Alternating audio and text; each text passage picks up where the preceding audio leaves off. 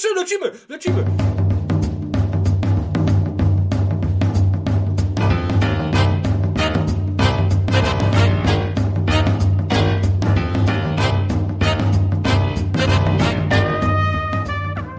E, masz temat z kuli?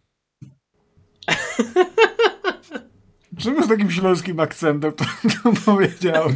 Nie wiem. Mam temat z Dobrze. kuli, znaczy mam kulę, no. Masz temat z kuli? Nie.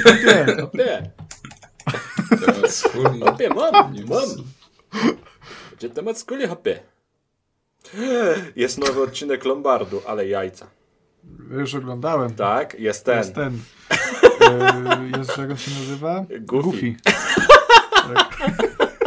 Ja oglądałem trochę tego ostatnio.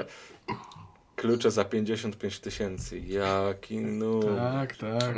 Giron. Ja polubiłem tego takiego dziadka w okularach, co ma chain na zewnątrz, co opowiadał historię O, o dziadek. to jest Dziadek, stary jak on się nazywa? No to jest. Jak on... Chłopie, wiesz jakie on ma branie? Ile ten? On ile wszystko wdówek, ma, ile on pieniędzy to ma tyle, ma Tylko żeby siły ma. były. I jeszcze lubię tego, znaczy A. wkurwia mnie w sumie ten z tatuażem na szyi, ten taki młody. Taki kurwa szczekaty nadpobudliwy. Który Abdullah? to jest ten? Tak, Abdullah, tak, tak, no. tak, tak, tak. Chyba no. tak. No to on też taki On- jest ciężki, ale ludzie go tam bronią twardo w komentarzach. no tak 50-50. No bo pozytywnie zakręcony. Dobra, zaczynajmy. Tak. Lecimy? No to lecimy. Dobry wieczór, dzień dobry Państwu. Witamy Państwa w 54. epizodzie Trójkastu, telenoweli Trójkast, telenoweli zwanej Życiem Trójkast. A dzisiaj przed mikrofonami ze mną, czyli z Kubą Smolakiem, są Konrad Noga Dzień dobry, witam. Szczęść Boże. i Kacper Cembrowski. Dzień dobry, cześć i czołem. No dobrze, moi mili, zaczynamy tutaj taką naszą tą co dwutygodniową sesję terapeutyczną, a zaczynamy od tematu skuli. I już się tutaj losuję. O, to czekaj, bo ja chciałem jeszcze, jak ty będziesz se losował i grzebał, Szymonowi obiecałem. Co obiecałeś? No bo Szymon y, u nas na Discordzie naszym, na którego oczywiście bardzo serdecznie zapraszamy, e, napisał, że bardzo chciałby jeszcze posłuchać o grach pornograficznych. E, No tak, Te no wszystkie wiadomo, wspomniane ostatnio pewnie już Szymon przeszedłeś, także tutaj y, śpieszę z pomocą. Y, jakbyś chciał, to możesz sobie sprawdzić na przykład y, taką grę, to jest już też można podpiąć pod retro nawet. Ona się nazywa Lula the Sexy Empire i to jest połączenie e, gry z gołymi babami e, ze strategią ekonomiczną, prawda? E, W której budujemy sobie swoje własne e, porno imperium e, od tam jakiegoś nagrywania e, pornuchów na kasety VHS e, we własnej przyczepie, prawda? E, Czyli takie trochę kamerkowanie, tylko to lata 90. były, więc takie vintage. E, aż po no, stworzenie własnego studia i prawda, no to tam to jest taka bardzo ładna kreskówkowa grafika, e, a przede wszystkim ta gra, mimo że tam są cycuchy, prawda, i, i, i fajnie, no to jest bardzo kompetentnym, kompetentną strategią ekonomiczną, bo tam naprawdę trzeba się wysilić, żeby ten biznes, prawda, hulał. Także Lula the Sexy Empire, bardzo fajny tytuł, e, na Gogu dostępny. No. O. I jak, co tam w kuli, Kuba? To czekaj, to ja jeszcze dorzucę, bo ja byłem na streamie u pana Diblera i też jakoś tak, jakoś tak dyskusja zaszła na ten temat właśnie, że rozmawialiśmy o tym w odcinku i e, tam jeszcze pan Dibler dorzucił, że w sumie Kat- Katarzyna Classic to też była takim tytułem. Katarzyna Classic. Trochę, trochę, trochę, trochę, trochę erotycznym, prawda? Ja nic takiego nie widzę tutaj. Nie, nie wyświetla ci się nic pod Katarzyna Classic, Nie. a na pewno, na pewno sprawdzasz na właściwej platformie? A na jakiej sprawdzić? Nie no, oczywiście mówię o Catherine Classic, prawda? Czyli to bardziej kacprowe klimaty są. A nie grałem właśnie nigdy w... Nie no, mi się O. wyświetlają szachy, domino i gra pozorów. A ty grałeś, Konradku, tak w ogóle, czy nie grałeś? No ja pierwsze słyszę, co to jest. No naprawdę? No. Nie no, ja oczywiście słyszałem dużo dobrego o tej grze, ale jakoś Nie, no to nigdy jest nie chyba taka okazji. bardzo sławna gra Atlusa, prawda? Też mi się tak wydaje. Że To- jestem w szoku, że Konrad nie znał szczególnie... A kurwa, Catherine, no to mów, że po polsku, a nie po No polsku. to mówię po polsku przecież. A to nie jest pornogierka. No, ale taka erotyczna, można powiedzieć. Nie, no Jezus, Dobra. co tam jest erotycznego? Nie. No ja wiem, że dla pana to nic. No. Każdy ma jak, Dajcie- taki inny, inny próg wrażliwości To, tutaj. to, jest, ta, ja to, jest, przepraszam. to jest takie risque, ale nie, nie pornograficzne. No już, Matko Bosko, kochano. Ale też ustalmy różnicę pomiędzy erotyką a pornografią, prawda? Nieważne, o tym było na ostatnim odcinku.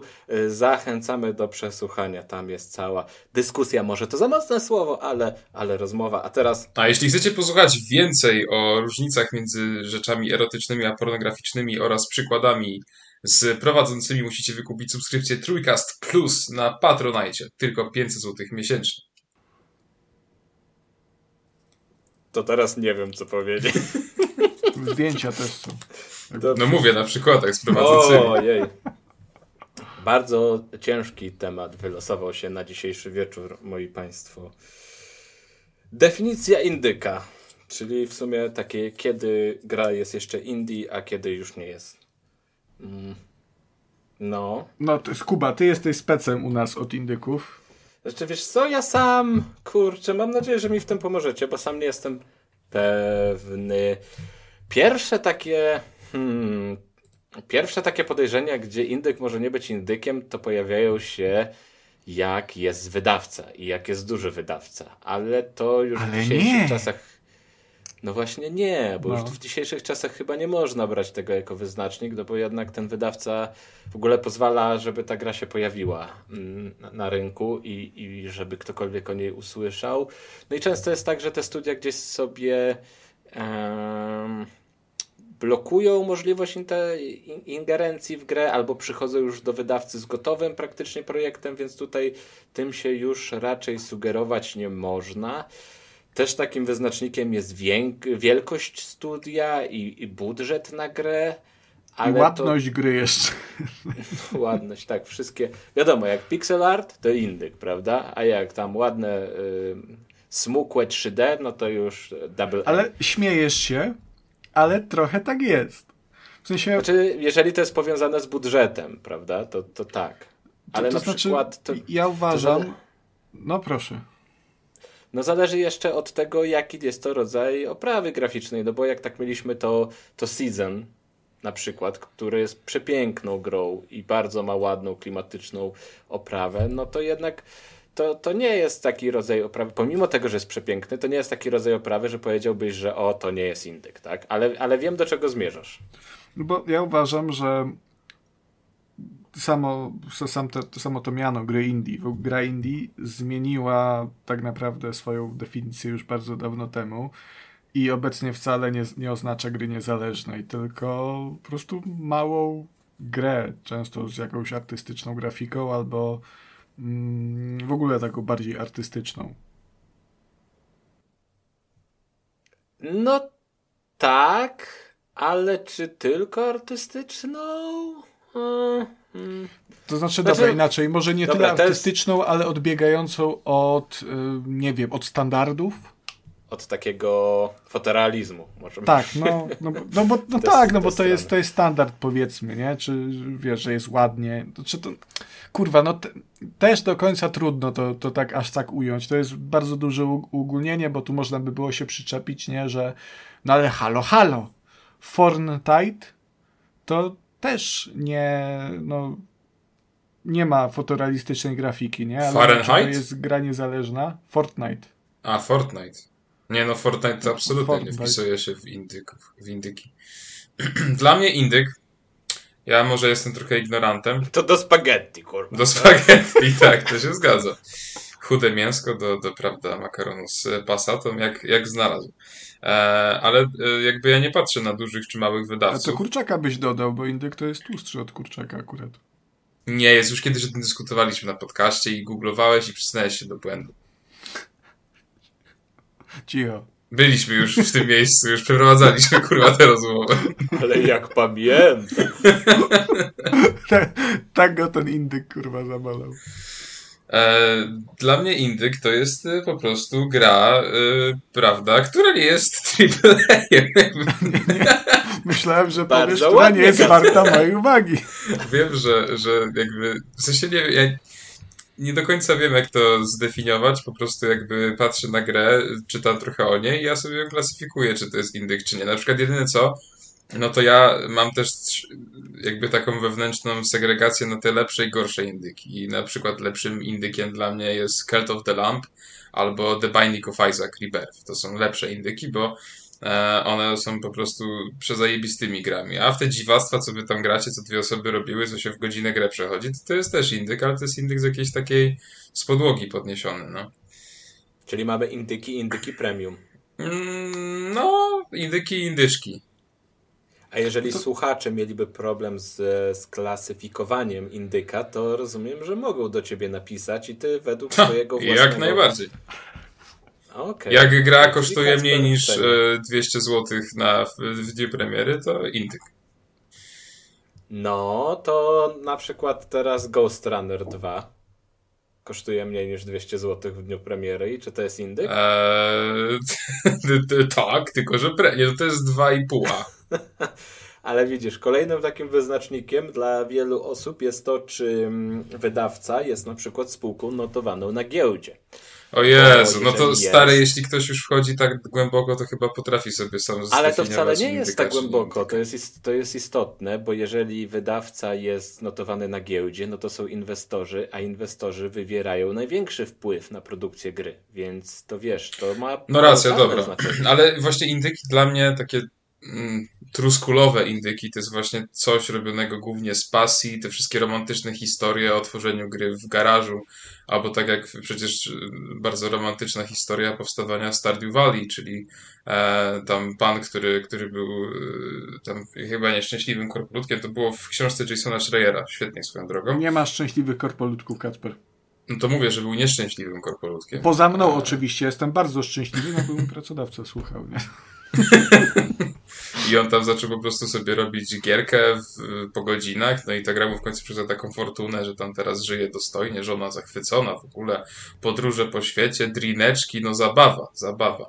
Tak, update'ów jak nie było, tak nie ma. Mm, ale to też jest właśnie fajna historia, no bo Stardew Valley, pewnie tam potem ludzie podochodzili, ale tak oryginalnie ta gra powstawała, yy, wszystko robiła tylko jedna osoba, więc mega wielki szacunek. No i to też jest indyk, chociaż to też jest ten indyk fajniejszy.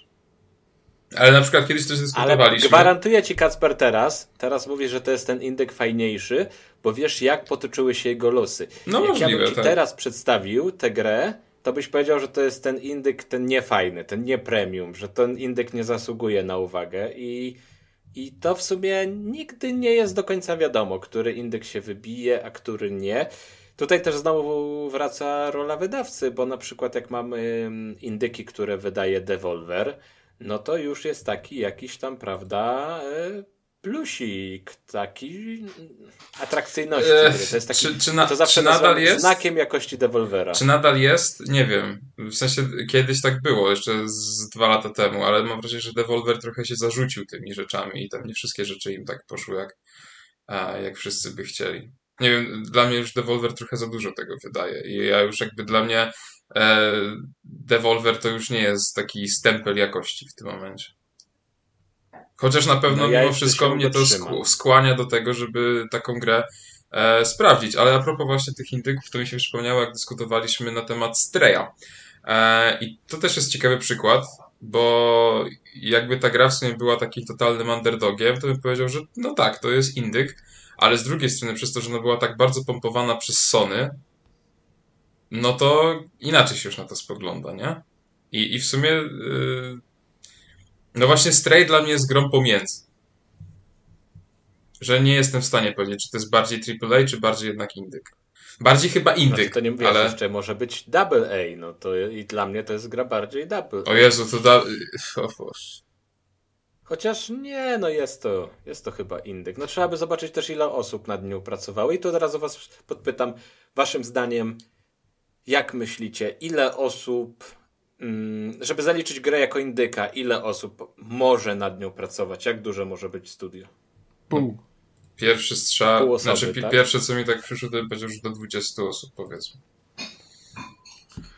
To znaczy, No, to- ja, to ja też myślę, chodź- że trochę mieszamy tutaj te pojęcia, e, bo mimo wszystko e, hasło indie odnosi się do niezależności twórcy od wydawcy, a natomiast e, już jak mówimy o AAA-ach, no to AAA odnosi się w dużej mierze do budżetu, nie? Także z tego też wynikają nieporozumienia.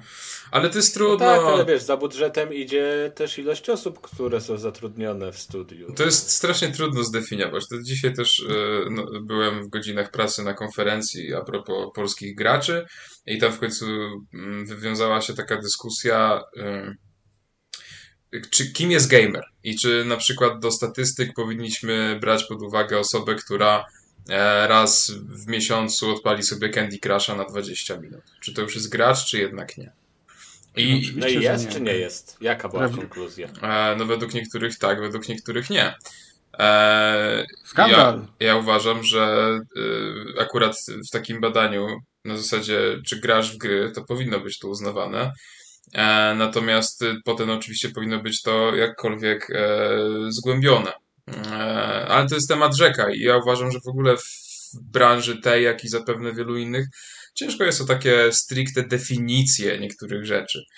E, więc ja na przykład bez, y, prawda, problemu mówię, że ja sobie sam mówię, czy gra jest indykiem dla mnie, czy nie jest indykiem dla mnie i jakby mam z tym luz, nie? Bo bo strasznie mówię, no ciężko jest to jakiś taki po prostu doskonały klucz, który, który nie wiem, że przebadasz produkcję pod jakimiś trzema względami i jeśli wartości są niższe niż to, to tak indyk, a jak nie, no to już nie indyk. No. Tu Kacper akurat mądrze mówi bardzo, to ja się zgadzam, aprobuję. No dobrze, no dobrze, to chyba mamy, prawda? Wyjaśnione? Mamy wyjaśnione? No, znaczy w sumie to tak wyjaśniliśmy, że, że się nie da tego wyjaśnić chyba, ale wydaje mi się, że to jest dobre miejsce, żeby postawić kropkę. A nie! o, To jest o, dobre miejsce, żeby powiedzieć, że to jest temat rzeka. I nasza trójka, mimo że mamy bardzo duże umysły, przynajmniej ta dwójka, która tu jest ze mną, ja natomiast to tak średnio pokaźny. e, Boże, ja nie to wiem, do jest, czego on to zmierza, jest, ja się To boję jest już za teraz. mało, za mało, żeby dojść do jakiejkolwiek konkluzji, więc potrzebujemy pomocy i bardzo chętnie usłyszymy, jak wy, drodzy słuchacze, definiujecie, definiujecie indyki. Także napiszcie nam o tym w komentarzach, co, czym dla was jest indyk. Albo wejdź na Discord i napiszcie to na naszym Discordzie. Będzie nam jeszcze to- przyjemnie i będzie można w domniemaniu, dyskusję. no. Możecie maile napisać też, bo to Kacper teraz, możecie maile napisać, możecie komentarze na YouTube, e, odpowiedzi e, Q&A na Spotify'u, takie też są, zapraszamy. O, i właśnie też była jedna. Ostatnio, jak już przy tym jestem, e, to, to Kuba dostał pochwałę od Kosmatego, to jest Darek chyba. E, No i Darek Daru, napisał, że nie, Daro, nie no, no, cytuję, nie no, Kuba, król polskiego podcastingu, wiadomo. Kurczę, Darek, ty to jest. A Darek! Dzięki, ale ciekawe co teraz napiszę. Kurczę, już do końca odcinka mam humor zrobiony. Mi nikt tak To nigdy się nie niezręcznie poczułem. Kuba się trochę za bardzo wzniecił. Za bardzo podekscytował. Nie? To, to, to może troszeczkę, no ale to, no, może troszeczkę, no ale miło, miło, miło, dziękuję bardzo. Mm. Miałem jeszcze przed chwilą pomysł na płynne przejście. A, płynne przejście dotyczyło tego, że można też nam zda- dać znać i porozmawiać z nami o tych tematach na naszych streamach, prawda? Które odbywają się no już To dość czekać, regularnie. ale teraz musisz inne płynne przejście, bo to już nie działa. To już nie działa to przejście? To wypadło z obiegu? Tak, nie działa tak jak czasami nasze streamy, bo jest dużo problemów technicznych czasami, ale zazwyczaj o, działają. jest coraz mniej problemów technicznych, jest coraz lepiej, coraz lepiej jest. Jest, A ty idzie- to trzymałeś to płynne przejście w sobie, prawda? Od, od początku nagrywania i tak czekałeś, Nie. żeby w tym, w tym wjechać, z tym zepsuciem. E, z czego były streamy? Mieliśmy stream z Lords of the Fallen, mieliśmy stream z Ghost Runnera drugiego, mieliśmy stream z Airport Sim, Mm, no i w ogóle to, jest największe wydarzenie jest takie, że wcześniej streamowaliśmy razem e, ja i Konrad. E, A teraz Kuba wspólnie. się na mnie wypiął, już mnie nie zaprasza na stream. Nie, no po prostu musiałem swoje trochę, trochę, trochę było nam się ciężko czasem skoordynować, żeby dwóm osobom pasował akurat ten dzień, ten wieczór i ta gra, i ta platforma. Więc na razie sobie działamy e, też osobno. Ale wspieramy się. Wspieramy się, plus w najbliższej przyszłości pojawi się wspólny stream, bo właśnie taki ten pan przyjemny wydawca, o którym rozmawialiśmy wcześniej, Devolver Digital, podesłało nam dwa kluczyki na dobrze zapowiadającą się grę. I co, Kacper, Więc... dumny ty jesteś siebie, że tak brzydko mówiłeś? Przepraszam. Odwołaj to. Odwołaj ale to a propos Devolvera. Napisz w komentarzu przepraszam, ale po angielsku, bo jak Devolver, że jak będą czytać, to żeby wiedzieli, że. E, ale a propos właśnie Devolvera, to muszę ich pochwalić, że kocham maile od nich. E, tak jak widziałem ostatnio, jak Kuba wysłał chyba kolejną prośbę o klucz, to dali w nawiasie, e, w tytule, że odebraliśmy twoją prośbę o klucz w nawiasie znowu. I te podpisy, Ale że to tam... jest automatu. Tak, tak, tak, ja wiem, Jasne. ja wiem. I te podpisy, że... Nie, to jest, to, ja nie wiem, to nie jest z automatu, to jest, wiesz, już Ale... widzą, że Smolak, coś, kurwa... Protokół Smolak, tak, protokół Trójkast. Ale nie, nie, bardzo śmieszy potem, jak jest tam na końcu właśnie, że y, tam kochamy cię, jestem tylko robotem, pozdrawiam Kosmo, nie? Coś takiego po prostu zawsze jakoś to... E, robot, się na, robot się nazywa Fernando. Fernando, przepraszam. Fernando. Tak, jeśli dobrze, dobrze pamiętam, pan, pan bot. Nie, bardzo przyjemne są te ich maile i w ogóle Cosmo Cover super e, się z nimi współpracuje. No i stream będzie też wspólny, więc nie mogę się doczekać, Konradzie, kiedy odkryjemy tajemnicę pewnej gry, a jakiej, no to dowiecie się w swoim czasie, prawda? Może jak będziecie na naszym Discordzie, to dowiecie się tego szybciej. Ale tak czy siak, yy, zapraszamy na naszego Twitcha. Trójkast, to się nazywa podkreślnik? E, podłoga. Tak. Podłoga. Trójkast, podłoga, podcast. I tam nas można znaleźć na Twitchu zostawić lajki, suby, czy co tam się zostawia na Twitchu i, i oglądać. Jest fajnie, fajnie się streamuje. Cholera, nie spodziewałem się, że to tak bardzo uzależniające jest to całe streamowanie. W ogóle był duży stres, żeby w ogóle zacząć i adrenalina, trema była, ale jest, jest, jest fajnie, szczególnie jak ktoś tam jeszcze wpadnie na czata i pozagaduje i porozmawia, ale nie tak fajnie jest na streamach, moi mili, jak na evencie cyklicznym. Już ale można ale powiedzieć. czekaj, czekaj. Bo czy Naprawdę, to, każde przejście musi mówił. zepsuć. Co za. No Jezu, dobrze. No. Jezu. No już mów, już jak zepsułeś, to mów. No bo nie, bo ja się chciałem dowiedzieć w sumie, bo no, Kuba, no taki był plan, no nie, nie wiem.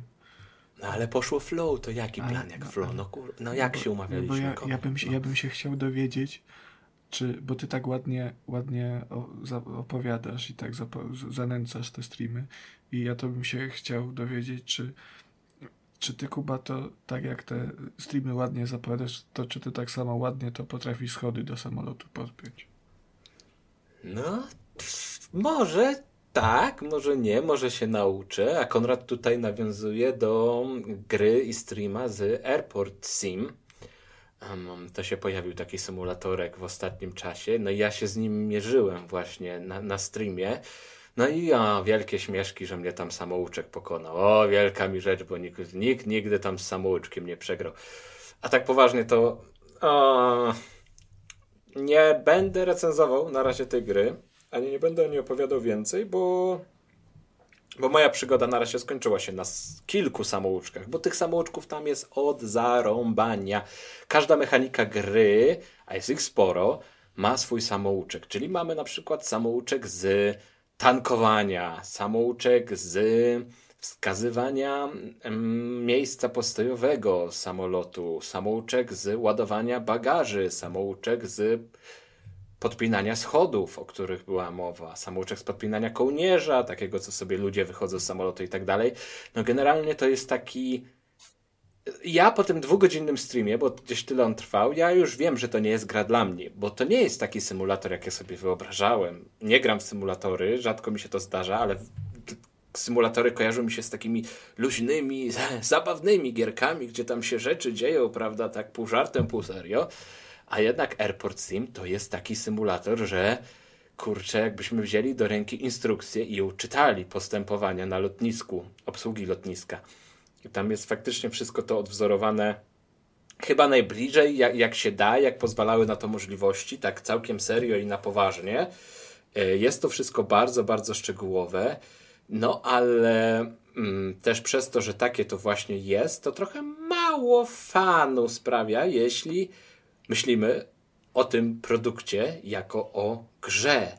O grze, która ma sprawiać frajdę koniec końców, bo no to jest symulator, ale dla takich lotniskowych, samolotowych freaków, którzy to, tam to się dosłownie. będą po prostu po prostu Dosłownie. jarać każdą diodką, każdym przełącznikiem, że on jest odwzorowany jeden do jednego, że to jest tak samo jak, jak w kokpicie tej maszyny, co to tam stoi na lotnisku, co ma takie duże koła i takie grube opony i żeby tam wejdą do środka i tam będzie wszystko tak samo, jak jest naprawdę. I, i wtedy oni znają model, oni znają rok wydania tego, yy, tego pojazdu, rok produkcji i na jakich lotniskach on stacjonuje i za co on odpowiada i jakie on ma osiągi i tak dalej. A dla takiego gracza, gracza, który niekoniecznie się gdzieś tymi tematami interesuje, no to może być to gra nużąca, bo tam się wykonuje takie rzeczy monotonne, bardzo mm, rzemieślnicze, bym powiedział. Jak właśnie to podpinanie schodów, gdzie, gdzie trzeba te schody wziąć, podjechać nimi do samolotu, opuścić wsporniki, podnieść schody, aż się gdzieś tam sami zauważymy, kiedy one są na odpowiedniej wysokości, bo gra nam w samouczku już nawet tego nie podpowiada jak się tam gdzieś zapali diotka, to wtedy można kliknąć, że te schody się podłączą i wtedy trzeba wyjść i trzeba wejść na te schody i podciągnąć barierki albo otworzyć drzwi. No i tutaj też się zawiesiłem, bo się okazało, że na początku się otwiera drzwi, a później się podnosi barierki, a nie odwrotnie. No i jest tutaj takich, takich szczególików i żeby w ogóle... Ja miałem na streamie próbę, żeby zagrać w tę grę tak, tak o, na żywioł, prawda? No przecież symulator, poradzę sobie, wszystko będzie e, zaznaczone, gra poprowadzi mnie za rączkę i tak dalej, przynajmniej przynajmniej od pierwszej misji. Otóż nie. E, skończyło się na jeżdżeniu w kółku po płycie lotniska, kręceniu bączków jak Kasper pod Aldi, e, więc e, taka była przygoda. Kilka I rękawem się bawiłeś jeszcze. Czym się bawiłem? Rękawem. A, rękawem, tak. w ogóle to sterowanie. To, no ta gra ma jeszcze dużo błędów i, i twórcy ją łatają. Dzisiaj chciałem sobie ją e, włączyć, to niestety nie działała. E, przy każdej próbie odpalenia wywalało mi Steam do pulpitu. E, no, także jeszcze, jeszcze do niej podejdę, spróbuję przynajmniej pokończyć samouczki i, i mam cel, żeby zrobić taką, taką jedną misję, jedno wyzwanie gdzieś tam z kampanii głównej. Od początku do końca spełnić ten cały proces obsługi samolotu, czyli jego przyjęcie na lotnisku, e, no i tam wszystko, co trzeba zrobić. Stawianie pachołków, sprawdzanie silnika, blokowanie kół, odbiór bagaży i o Jezu, jak sobie tylko o tym pomyślę, to mnie głowa boli. Ja byłem bardziej zmęczony po tym Airport Simie niż po e, niż po Ghost Runnerze, który jest wymagającą grą. I w sumie to tak się śmiałem, że na drugi dzień to nawet zakwasy miałem e, po, tym, po tym AirPod Simie. Ale tyle o tym. I teraz jak mam zrobić? Er, płynne przejście z AirPort Sima do Bibeł Smolaka, którą byśmy omówili na Tyle szybko. o tym, ale tyle się działo. Tyle się działo, tak się działo, tyle się działo jak na Bibie u, u Smolaka. Nie, nie będziemy tutaj wchodzić w jakieś szczegóły mm, dotyczące samej imprezy, ale bardzo miło nam się było znowu spotkać na, żyło, na żywo nam i naszym żonom, partnerkom, bo mieliśmy takie dość duże trójkastowe spotkanie.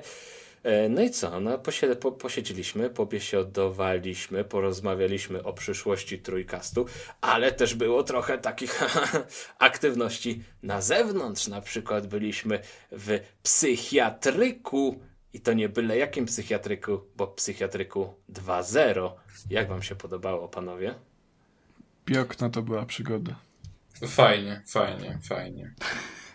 No faktycznie takie głosy zmotywowane, mm, pełne energii. Ja bym chciał tylko powiedzieć, że tutaj chodzi o Escape Room, z którym sobie poradziliśmy w wyznaczonym czasie, a, a pani z Escape Roomu powiedziała, że to jest bardzo trudny pokój i pewnie każdemu to mówi, ale mniejsza, i że super sobie poradziliśmy i że niektóre zagadki to ludzie nie rozwiązują, a my sobie poradziliśmy i że mało podpowiedzi wzięliśmy. To chciałbym nas tylko, tylko, tylko pochwalić, tak um, publicznie. No i z takich czysto gierkowych rzeczy, no to jeszcze był pojedynek w kręgle. Tutaj dam słuchaczom chwilkę na e, odgadnięcie, który z nas wygrał ten pojedynek. A kto wygrał? Kobiety. Kobiety wygrały, Kobiety. tak. Tak się składa, że, że my, czyli skład trójkastu. Zażartował, ale może nie. daleko na szarym końcu. No ale z, z, na, z, naszej trójki to Kubusiu, ty sobie najlepiej poradziłeś, trzeba to zaznaczyć. A, już wiesz, no już chciałem być taki skromny, nie chciałem o tym wspominać. Um, bardzo podoba mi się projekt Bibu Smolaka. Mam nadzieję, że kiedyś Biba Smolaka przerodzi się na przykład w zjazd miłośników, słuchaczy Trójkastu. Jakby to był i on. Nie mówię, że u mnie w mieszkaniu. Właśnie miałem powiedzieć. I chyba wszystkich ugości, przenocuje. Ale jakby był na przykład w Lublinie albo we Warszawie, prawda, to też moglibyśmy tam przenocować w takiego pewnego A kto by do, kto by do Warszawy jechał? No, lepiej no, taki to... lubliński zjazd zrobić. Lubliński, Lubliński, lepiej Lubliński. Zdecydowanie. O Lublińskim jeszcze usłyszycie później w dzisiejszym odcinku, także zostawiamy to na, e, na potem. A teraz już przejdźmy do newsów. Trzech. Co tam się działo w branżuni? Coś nic. tam, coś... nie możemy tak mówić co odcinek, że się nic, nic nie się, działo. Nic się nie, nie działo. Dobra, Kacper, to co? Ghost Runner 2, tak? Grałeś. Grałem. Nie można tak mówić, bo tutaj zaczyna, e, prawda, coraz bardziej zblazowanym siurem na tych odcinkach. No, co, co ja mogę Nie, no, ale prawda jest taka, że, że faktycznie... Za... Jak jesteśmy przy zblazowanych siurach, co tam z tym Kojombo? E, no i kurwa, nie podobasz mi się, kolego, no. E, no, z Kojimą, e, ale mnie, trochę dziwi, że internet teraz e, wybuchł, bo ja jestem niemalże przekonany, że już na trójkaście o tym mówiłem przy okazji zapowiedzi. Jeśli nie wiecie, mm, to dużo straciliście, ale w tym tygodniu pojawiła się kolekcja Metal Gear Solid, gdzie mamy Metal Geara, Metal Geara 2, Metal Gear Solid, Metal Gear Solid 2 i Metal Gear Solid 3 bardzo dużo, e, jeszcze tam te Metal Gear Solidy e, są jakieś tam te z PSP, te Tacticsy inne, jest bardzo dużo grania. E, ba proszę? ACD. ACD, tak. super sprawa. Natomiast, no, ja tak się składa, że mam te kolekcje jest to chyba najbardziej leniwa kolekcja, jaka została wykonana w historii gier wideo, bo tam dosłownie nic się nie wydarzyło. Po prostu wszystko zostało bezczelnie przeniesione. Jakby w ostatnim odcinku marudziłem na Alana Wake'a e, Remastered. No tu nie było dopisanego... Anala, Anala tak. przepraszam. Tak. Tu nie było dopisku Remastered, ale tak czy siak no, można było spodziewać się czegokolwiek. E, a nie dostajemy nic. No w każdym razie mm, już na trailerach, już na zapowiedziach pierwszych mogliśmy zobaczyć, że Konami jest teraz obrażone na pana Kojimę i postanowiło e, już nie dawać na pudełku, ani nie, nie dawać w trailerach, że to jest Ehideo Kojima Game. No i e, gadaliśmy o tym, bo teraz sobie przypomniałem, że wtedy się śmiałem z tego, że, że Kojima w tym w momencie jakby chwilę, dosłownie parę minut po tym ogłoszeniu na X dawniej Twitter wrzucił zdjęcie, że jest spaghetti i pije Sprite'a. Eee, więc... A my się śmialiśmy, że z indykiem tak, tak, tak, tak, z tak. indykiem. Tak. No to zawsze jak no. się pojawia temat spaghetti, to e, A ty pewnie śmiejecie. powiedziałeś, że bardzo dobre, fajne indyk, chude mięso. Pewnie tak. A, ty A wtedy Konrad powiedział, że indyk nie, że kurczak, kurczak lepszy, chudszy. bo chudszy, tak. No. tak. Pewnie tak było. E, natomiast e, no i mnie troszeczkę wybiliście z rytmu. No, ale w każdym razie, tak, no, y, na kolekcji nie znajdziemy nigdzie informacji, że jest to Ehideo Kojima Game, natomiast y, mimo wszystko twórcy byli tak leniwi w przełożeniu tego, że w grach już jest wszystko normalnie, także e, Może A, ktoś... Przepraszam, ci przerwę. Mhm. Kogoś to dziwi w ogóle, że nie ma Hide- Hideo Kojima Game na okładce i ekranach tytułowych? Że to była grana już w 2015, jak Phantom Pain wychodził. Ja w ogóle uważam, że to jest robienie trochę afery o nic. W sensie, y, jeśli chodzi o te wszystkie napisy Hideo Kojima i Hideo Kojima Game, e, to jest trochę mem i jak bardzo kocham Kojimę, to zawsze mnie bardzo śmieszy, jak włączę jakąkolwiek jego grę, że po prostu na ekranie 128 razy pojawia mi się jego imię i nazwisko. E, ale nie ma, no nie, nie ma to znaczenia, czy, czy tam będzie napis Hideo Kojima Game, czy nie będzie.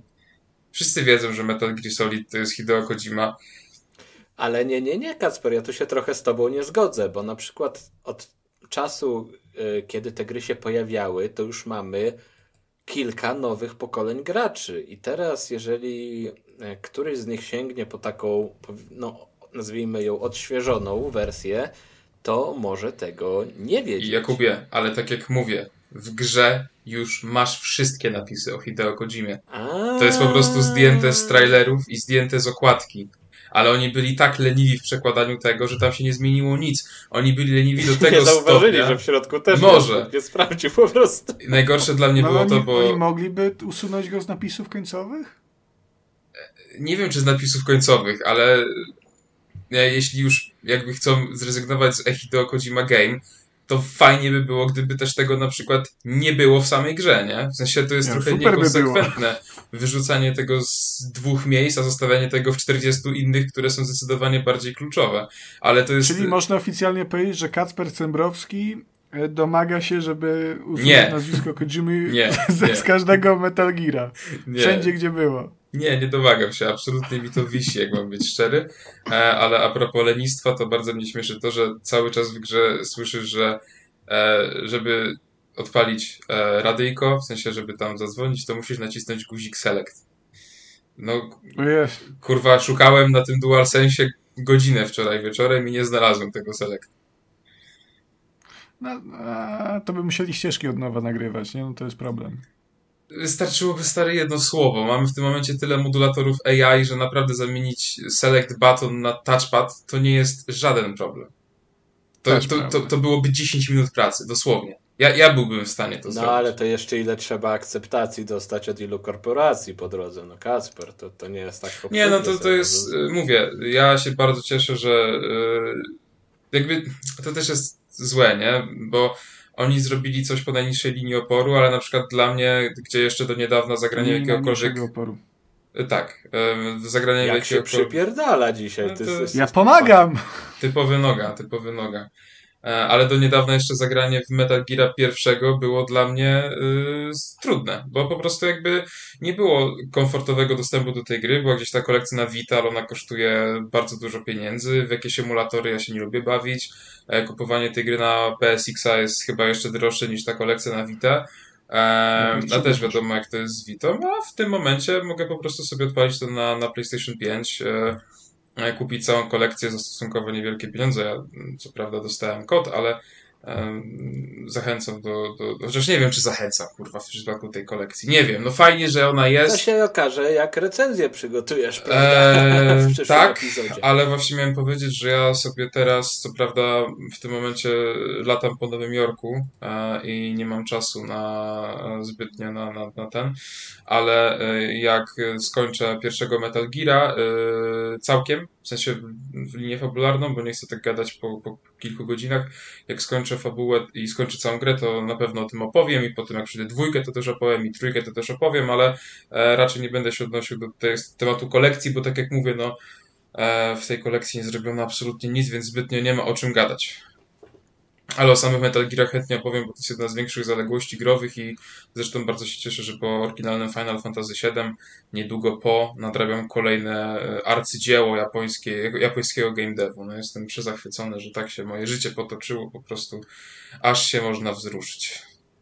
To też warto za- zaznaczyć, że to abstrahując od jakości tej, tej kolekcji, nie? E, I co tam zostało zrobione, co nie zostało, bo e, też były bardzo duże narzekania i uważam, że jak najbardziej słuszne, mm, kiedy ujawniono, że te gry no, nie będą działać lepiej, e, tylko dalej będą śmigać w 30 FPS-ach. e, filmowych, e, co na, przykład na takiej PS5 no jest śmieszne obecnie, nie? No umówmy się. Natomiast to jest bardzo fajna opcja dla graczy PC-owych, bo do tej pory mieli oni opcję ogrania tylko z tych klasycznych Metal Gearów, jedynkę i dwójkę, trójka i te pierwsze dwa e, to jeszcze te, te dwuwymiarowe Metal Geary, one się nigdy nie ukazały na PC-tach. E, Także no to jest taka fajna okazja do nadrobienia, zwłaszcza Snake Eater, bo Snake Eater to jest e, absolutne magnum opus w moim odczuciu. Przespaniała produkcja. Mm, No i fajnie jakby się ukazała tam to, ta kolekcja numer dwa e, z czwórką na przykład, nie? która jest dostępna Oj tak, na wyłącznie PS3, chyba tylko. Mhm. To prawda, ja mam jeszcze na koncie e, obydwie piątki. E, tą krótszą, czyli bodajże Grand Zero skończyłem, ale dawno Mhm. temu i mało pamiętam. Phantom Pain rozgrzebałem, ale nie dokończyłem, bo stwierdziłem, że poczekam na lepsze czasy, aż się zaznajomię z całą... Bo tak jak kiedyś wspominałem, jak kiedyś oglądałem te Metal Geary, e, po prostu jak youtuber w to grał, e, no ale to jednak nie jest to samo. Ale nie były to tak fajne streamy jak streamy Trójkastu, prawda? Zdecydowanie, oczywiście. no. Kurwa, oczywiście, że tak. E, ale, ale no teraz chcę po prostu sobie przejść to wszystko sam, ale to prawda też się boję, że jak skończę jedynkę, dwójkę, trójkę, to się okaże, że do piątki nie mogę się doczłapać, bo jeszcze czeka ta czwórka w odmętach i nie wiadomo co się wydarzy. No ale czekam, mam nadzieję też, że się pojawi. No zresztą To w, znaczy, w tytule jest Volume Kacper- 1, więc myślę, że to się wydarzy. Nie? Czwórkę możesz pominąć, jeżeli chcesz zagrać w piątkę, a, bo piątka jest chronologicznie sequelem e, Snake Eater, a nie czwórki. Czwórka wieńczy, no, jest jakby ostatnią grą w serii, nie licząc przynajmniej e, Metal Gear Rising. E, Także czwórkę możesz na tę chwilę pominąć i po prostu przejść sobie Snake Eatera. Em, Fajnie jakbyś, jakby była opcja, żeby zagrać w Portable Ops, e, bo to też jest e, kanoniczna produkcja. Tak, chyba tak. E, I wydaje mi się, że na pewno też będzie opcja w tej kolejnej kolekcji, żeby zagrać w Peace Walkera, no bo to, to jest. e, Peace Walker jest bardzo ważny. To jest gra z PSP, ale on jest bardzo ważny dla historii e, i, i tego, co się potem dzieje w piątce. A powiedz Bo mi na tylko... grałeś. Mhm. Bo ty jesteś takim MGS ekspertem. E, I nie mówię tego ironicznie teraz, ale wiem, że grałeś we wszystkie odsłony i, i, i przeszedłeś i się znasz. E, aż kurwa z tego lizania ci dupy Aż zapomniałem, chciałem ciężko cię przez zapytać. gardło przechodzić, co nie? Nie, naprawdę zapomniałem swojego pytania. Aha, dobra, wiem. E, bo jak patrzyłem wczoraj z ciekawości, to pierwszy Metal Gear zajmuje około 10 godzin fabularnie. I czy te kolejne, ja nie mówię o piątce, bo wiadomo, że Phantom Pain jest przeogromną grą, ale czy dwójka, trójka to są produkcje już na, na przykład też na 10 godzin, czy to już jest jednak wymiar bardziej 20-30? 15 bym powiedział. 15? No to tak Jako- bardzo jako- fajnie. tak. Bardzo znośnie jak na... Najdłużej, Mhm. Najdłużej mi zeszło, no poza Phantom Painem, który jest no, otwartym światem mimo wszystko, najdłużej zeszło mi chyba z czwórką i to były okolice 19 godzin, Okej, w tym około 6 godzin filmów. okej. E, No tak. Jezu, ja pamiętam... nie, no. Mhm. Taki off-top. Ja y, miałem takiego ziomeczka kiedyś, jak byliśmy takimi gówniakami, mieliśmy oboje PS3 w chacie. No i e, generalnie to się. Był to kiedyś taki serwis Game Trade. Tam można było się wymieniać grami. Mm, Więc ja po prostu miałem chyba tam cztery gry, które, którymi obracałem. E, No i się czasami właśnie z tym kolegą wymienialiśmy. I pamiętam, że raz w jego ręce wpadł Metal Gear Solid właśnie 4. E, No ja tam wygooglowałem Metal Gear Solid i ten kurwa ten dużo pochwał sobie, ale, ale ma, nie? Ale mu się trafiło. No tak po dwóch dniach mówi, ja pierdolę, chcesz to? Ja nie chcę w ogóle w to grać, bo ja tam odpalam grę i cały czas tylko oglądam cutscenki, nie? Co to kurwa za gówno? Więc on mi tego Metal, Gear, Metal Geara, ja też to odpaliłem i wyszedłem z tego samego wniosku po chwili, że jakby same scenki nudzi mi się przy tej konsoli. E, I pogardziłem tą grą i wymieniłem za tam jakieś, nie wiem, aż boję się przypominać sobie co. E, Ale tak, no, jak byłem młodszy, to nie potrafiłem docenić kunsztu e, Kodzimy. Na szczęście, prawda, Ale z na, wiekiem. nawet, nawet jakbyś teraz zagrał, to myślę, że byłoby trudno docenić czwórkę, bo czwórka ona jest bardzo mocno zrobiona z zamysłem, że to jest finał. E, I ona, ona robi, jak się już te poprzednie Metal Geary przejdzie, te do czwórki właśnie i wtedy tak masz ten finał i tam potem jak się tam dzieją te rzeczy, to masz takie, Jezu, łzy w oczach, Boże, Solid Sznak, co, co ty robisz? Nie, nie idź tam, nie? Jest no, no przepiękna historia. Popierdolona jak sto skurwysynów oczywiście, bo tam Kojima w y, czwórce to już odleciał na maksa. E, tam się takie rzeczy dzieją, nanomaszyny, wszystko tam jest. E, ale piękna historia. Jak, jak się lubi tę e, pojechaną finezję e, i, i kreatywność Kojimy, to e, no tytuł wręcz idealny. Ja właśnie chyba najbardziej lubię w grach Kojimy to, że nic z nich nie rozumiem. No, to jest, to jest fajne, tak. To jest, to jest piękne. No dobrze, bo się trochę zakołapuczkaliśmy z, z tym tematem, e, a, a jeszcze mamy trochę do e, obgadania. E, Co prawda newsów za wiele nie ma, ale mamy bardzo gorące gierki na później, e, więc ja jeszcze chciałem powiedzieć tylko tyle, że ostatnio, co prawda jak już Kuba przed e, nagrywaniem mi powiedział, że a to jest tylko takie korporacyjne pierdolenie, mm, pewnie trochę racji miał. E, Kuba zresztą raczej się e, nie myli. E, Natomiast warto wspomnieć, że ostatnio Colin Walder z CD Projektu, i to jest w ogóle pan, który wcześniej, e, poza tym, że pracował przy Wiedźminie 3 i Cyberpunku 2077, to robił też w Rockstarze i maczał palce przy Red Dead Redemption 2 i GTA 5, przynajmniej tak mówią, prawda, źródła. No i pan podczas mm, konferencji e, Invent Game powiedział, że CD Projekt bardzo ciężko przeżył e, premierę e, Cyberpunka, no właściwie blamasz na premierę, jak się ta gra Chyba spektakularnie. akcjonariusze. I gracze. Nie, że pracownicy. Wszyscy że... przeżyli cię- ciężko. Tak, że ciężko im bardzo było i że. mm, Że crunch? Nie, no po prostu, że było im smutno. no, e, dobiła ich ta cała sytuacja, e, ale oczywiście wyciągnęli wnioski. No i pan e, Walder zapewnia, że w przypadku e, Wiedźmina 4, tudzież e, tego projektu bodajże Polaris, o to już martwić się nie będziemy musieli, ponieważ już jakby e, wiedzą, co zrobić, żeby było dobrze. No zobaczymy, no na pewno, pewnie, pewnie, na pewno. Czas pokaże, czas pokaże, na pewno.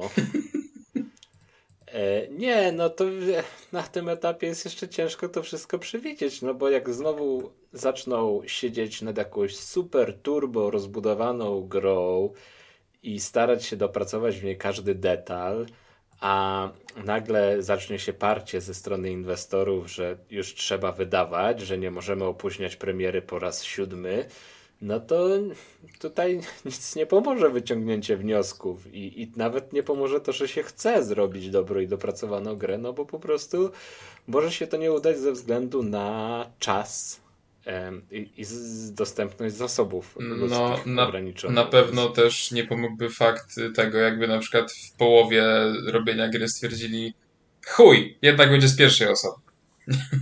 No. To, to Albo- też nie pomaga. Nie będzie metro. Ani multiplayer. Nie, no dobra, nie, bo teraz się zamieniamy w Konrada. Cyberpunk jest doskonałą grą. Nie, tak, tak, tak. My zawsze się tak śmiejemy, ale to jest jednak, tak jak ja wspominałem na Twitterze, Cyberpunk, jeśli chodzi o, o fabułę, jest e, król RPGów, jak, jak Szczupak jest król wód, a Lew jest król dżungli, prawda? Na Twitterze. Nie wiem, czy powiedziałem na Facebooku, czy na Twitterze, ale chodziło mi o, o Twittera w każdym razie. O, a jak przy królach już jesteśmy, to No. królem e, absolutnie obrzydliwych designów konsol jest na przykład PlayStation. Em, a wspominam o tym dlatego, nie dlatego, żeby tu mówić, że pokazano jak wygląda PlayStation 5 Slim, które według e, Sony nie jest oficjalnie PlayStation e, 5 Slimem, tylko PlayStation 5 po prostu. E, o tym już mówiliśmy chyba ostatnio, nie? E, tak, tak. Z Kacprem, Tak. czy jest ładne, czy jest, jest brzydkie. E, Kacper Jakbyś słuchał, Konrad, racji. to byś wiedział. Znaczy, y, ja tylko tutaj disclaimer dla słuchaczy. Konrad do tej pory uważa, że y, buty Easy Foam Runner są brzydkie.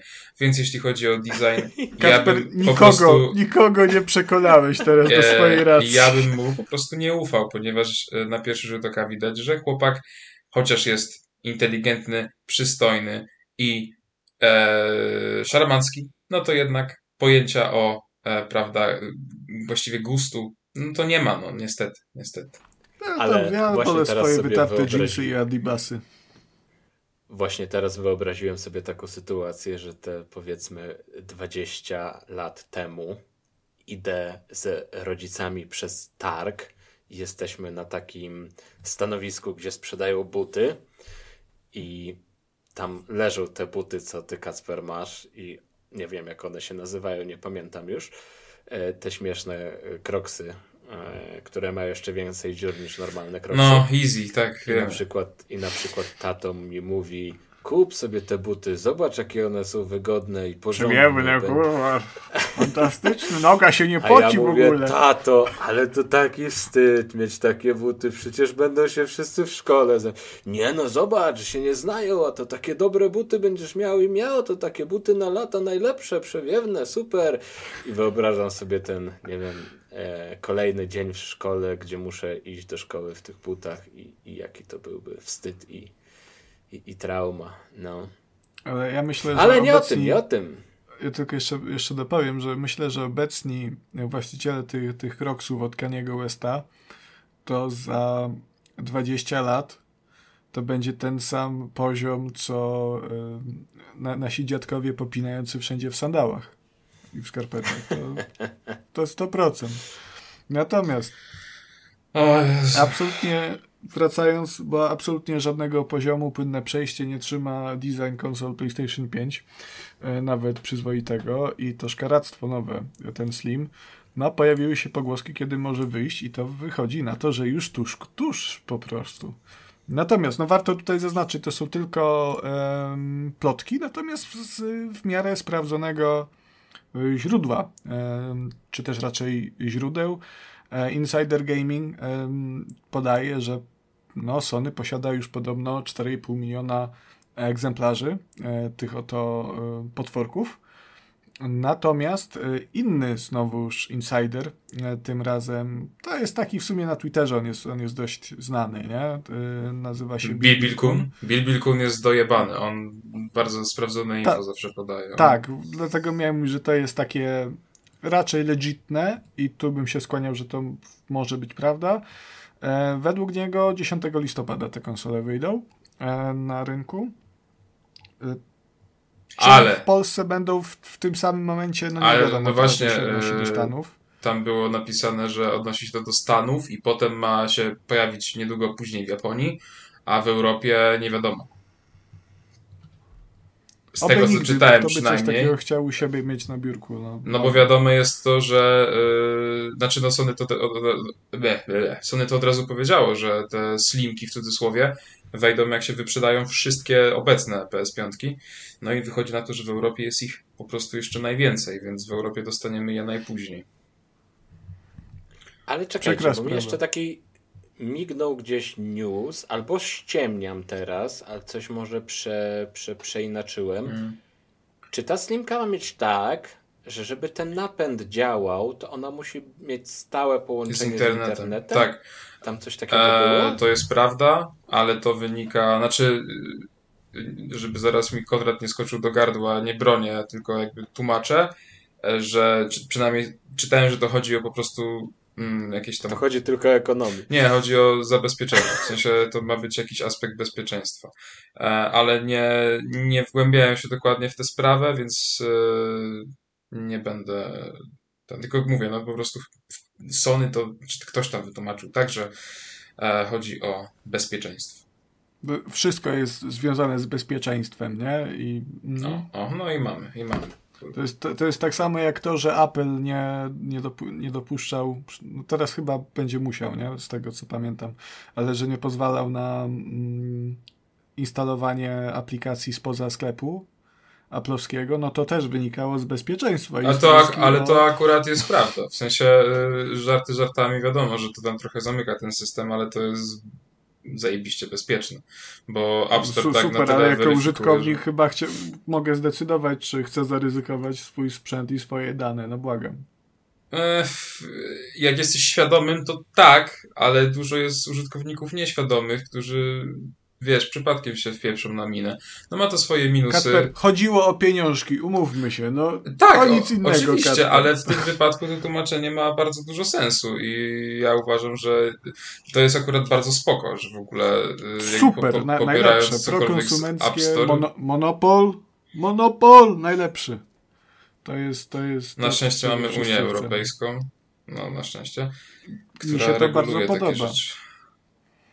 No, Ostatnio też się dowiedziałem, że ten, że iPhone mojej żony, Magdy, e, nie może się połączyć z naszym Wi-Fi, bo jest w protokole WPA2, a nie w- WPA3, więc kurwa jest niebezpieczny i nie może się połączyć. No jak masz kurwa router sprzed PRL-u i najnowszy ma smartfon sens. Nie sprzed PRL-u, dwa lata z Rzeszowa. z Rzeszowa, no to jeszcze lepiej. Nie no, żartuję. Dajcie no. spokój. Ale no to jest, po Dajcie prostu spokój. musisz być postępowy, musisz iść do przodu, no to wiesz, jak kupujesz... Kupić sobie napęd, który potrzebuje internetu, żeby płytę odczytać. Ja jestem ciekaw, w jaki sposób to wpływa na To brzmi tak abstrakcyjnie, że ja No ale nie byłem nie? nawet pewny, czy, czy ja właśnie jak to gdzieś widziałem, że mi to gdzieś mignęło przed oczami, czy to, czy to może być prawda. A jak Microsoft parę lat temu wydawał kurwa kablówkę w czarnym klocku, to Konrad był zachwycony. I się w Europie nawet Kablówkę kupić w tej czarnym kablówki nie klocku. dało. No Xbox One. O, a ja, ja, ja jebałem, ale to PS4 kupiłem jako swoją pierwszą konsolę. Dajcie No spokój. co ty, panie. Dajcie Da, spokój. Dobrze, Microsoft też nie ma o swoje tym, za nie o uszami. O tym, o tym. Microsoft też ma oczywiście swoje za uszami, bo przecież do niedawna e, Microsoft miał nawet e, sieciowy DRM na płyty też, nie? Żeby tam odczytało płytę, no to te, też to tak wyglądało, że musi być to połączenie z, z internetem. Em, nie, że kurwa, czy to było, że, żeby zagrać w grę pudełkową? A Microsoft Tak to przede wszystkim skopiował Ale dashboard z PlayStation. Co? No, ta nowa, ten nowy system, to wszystko z PS5 zerżnięte. Ale jest wygodniejszy trochę. Znaczy jest No, chujowy, no bo jest od PlayStation. Microsoft od 20 lat nie miał. No nie, no, no lepsze jest niż od PlayStation. W wielu względach. Pod No. wieloma jest też chujowy. Ale... Dobra, twoja stara. Przechodzimy. Dobra, Smolak, bo już tu męczysz na tym Discordzie. Co, jakiego newsa tam masz? Bo Ej, nie, no bo Kasper newsa. mówi, że mu się tak bardzo, bardzo śpieszy i ja nie wiem, czy mam czas, tak tylko szybko wspomnę, że No pewnie coś o pojawiła się indykach. zapowiedź takiej gry. Pojawiła się zapowiedź takiego indyka, który się nazywa Indika. Także to jest taka tutaj sprytna gra słów z mojej strony. A jest to gra, którą wyda e, polskie 11-bit Studios, które kochamy i szanujemy. Ale tutaj jest twist. Jest to gra stworzona przez rosyjskie studio i rosyjskich twórców w czasach, gdzie do tej pory większość z gier z rosyjskimi korzeniami się ostro bojkotowało. Mm, Oczywiście y, pojawiały się dowody, które wskazywały na to, że bojkotuje się tę jedną konkretną grę, do której nawiązuję, a której tytułu nie będę wymawiał. E, Atomic Za to, że tam. Tak, dziękuję, bardzo fajnie pomogłeś. Super, cieszę, cieszę się, Konrad. Współpraca, współpraca przede wszystkim. E, Może zapomniałeś, nie wiem. o to mi chodziło właśnie. Dobrze. Em, że tam były takie kontak- kon, kon, kon, kon, koneksje, takie, a nie inne. No ale tu mamy grę, której trailer został pokazany i to jest dość długi trailer, a zaczyna się od tego, że wprowadzenie właśnie, we wprowadzeniu twórcy, deweloperzy opowiadają o swoim stosunku do wojny i o tym, że go nie wspierają i są przeciwko i zawsze byli przeciwko temu, co tam się w Rosji dzieje i działo i obecnie już mają swoją siedzibę w Kazach- Kazachstanie. Mm, mowa tutaj o studiu, studiu Oddmeter. I teraz tak, to będzie gra taka e, bardzo artystyczna, dziwna, oryginalna. To właśnie to jest, to jest chyba jedna z tych gier, że jak Kacper na nią spojrzy, to powie, że to jest indyk.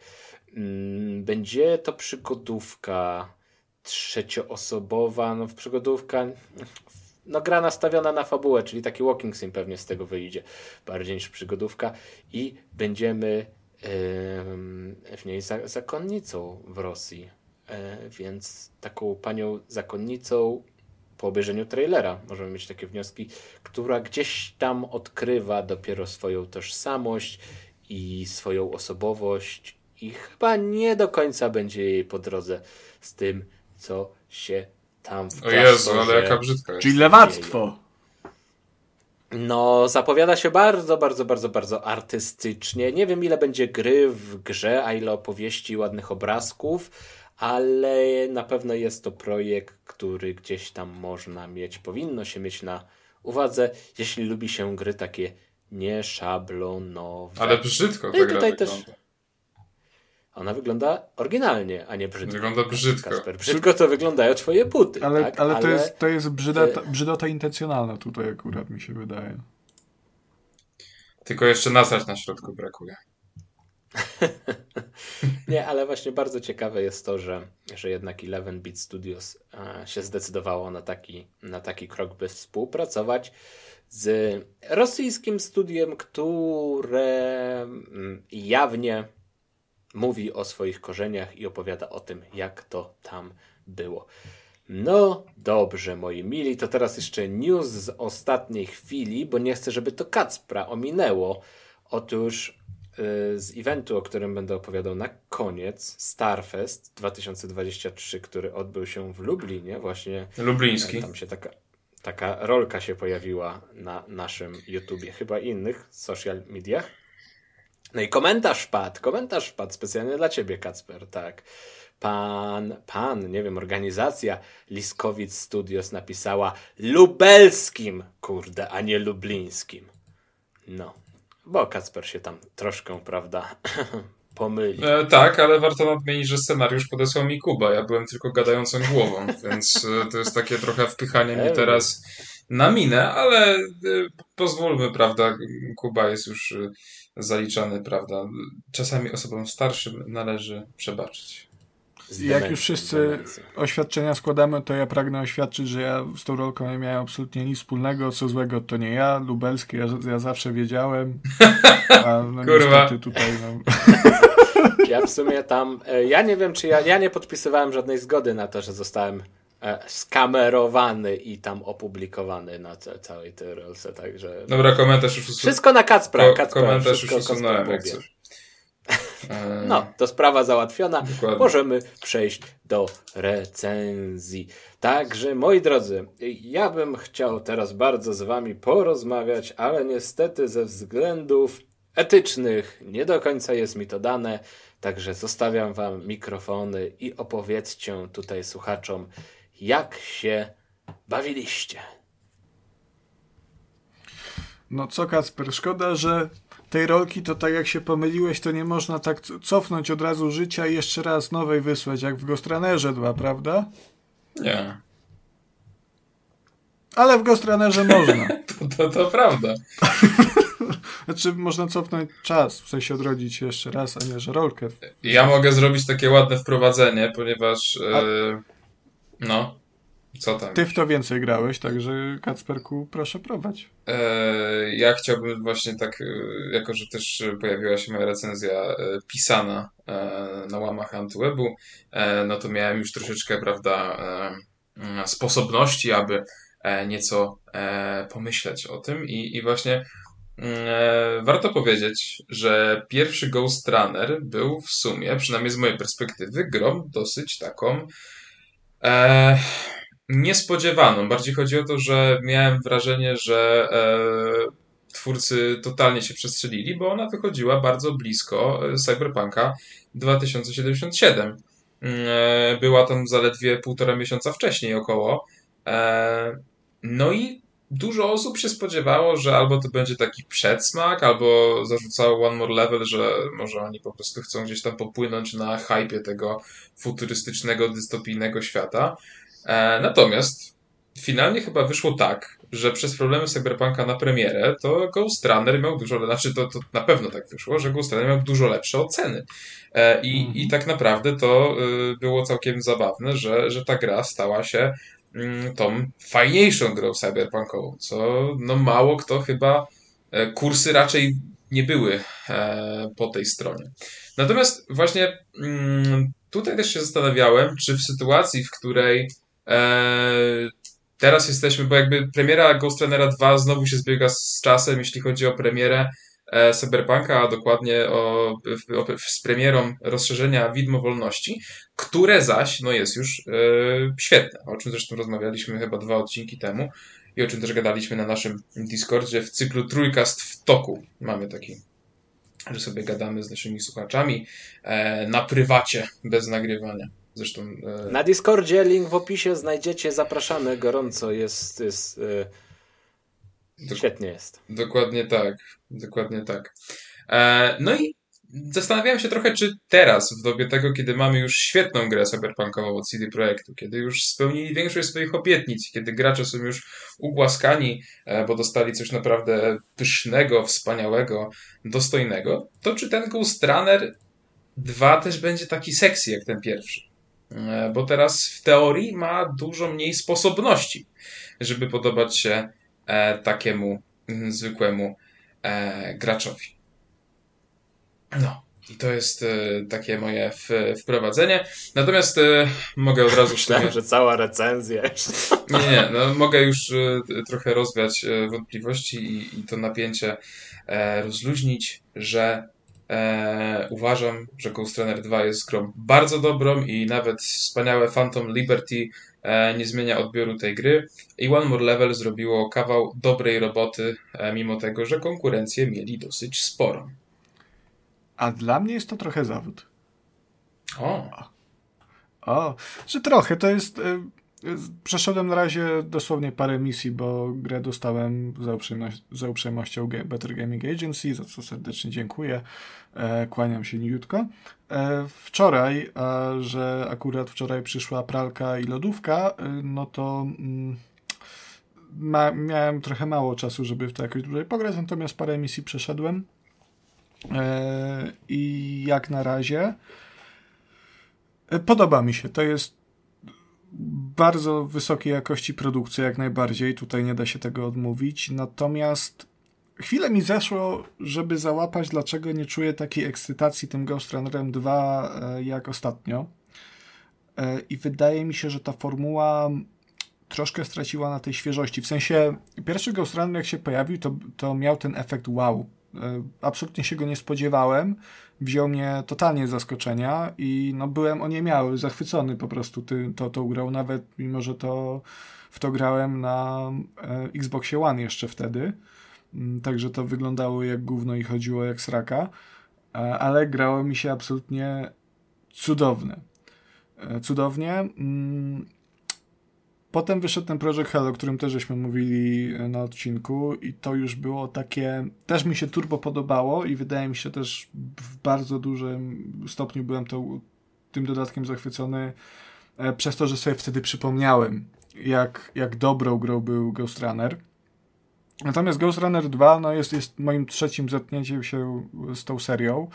E, także już wiem, że to jest dobra gra. Nie ma mnie co, co zaskoczyć. Moje oczekiwania były dużo wyższe, także on się w nie wpasował, natomiast no nie było. Nie ma takiego.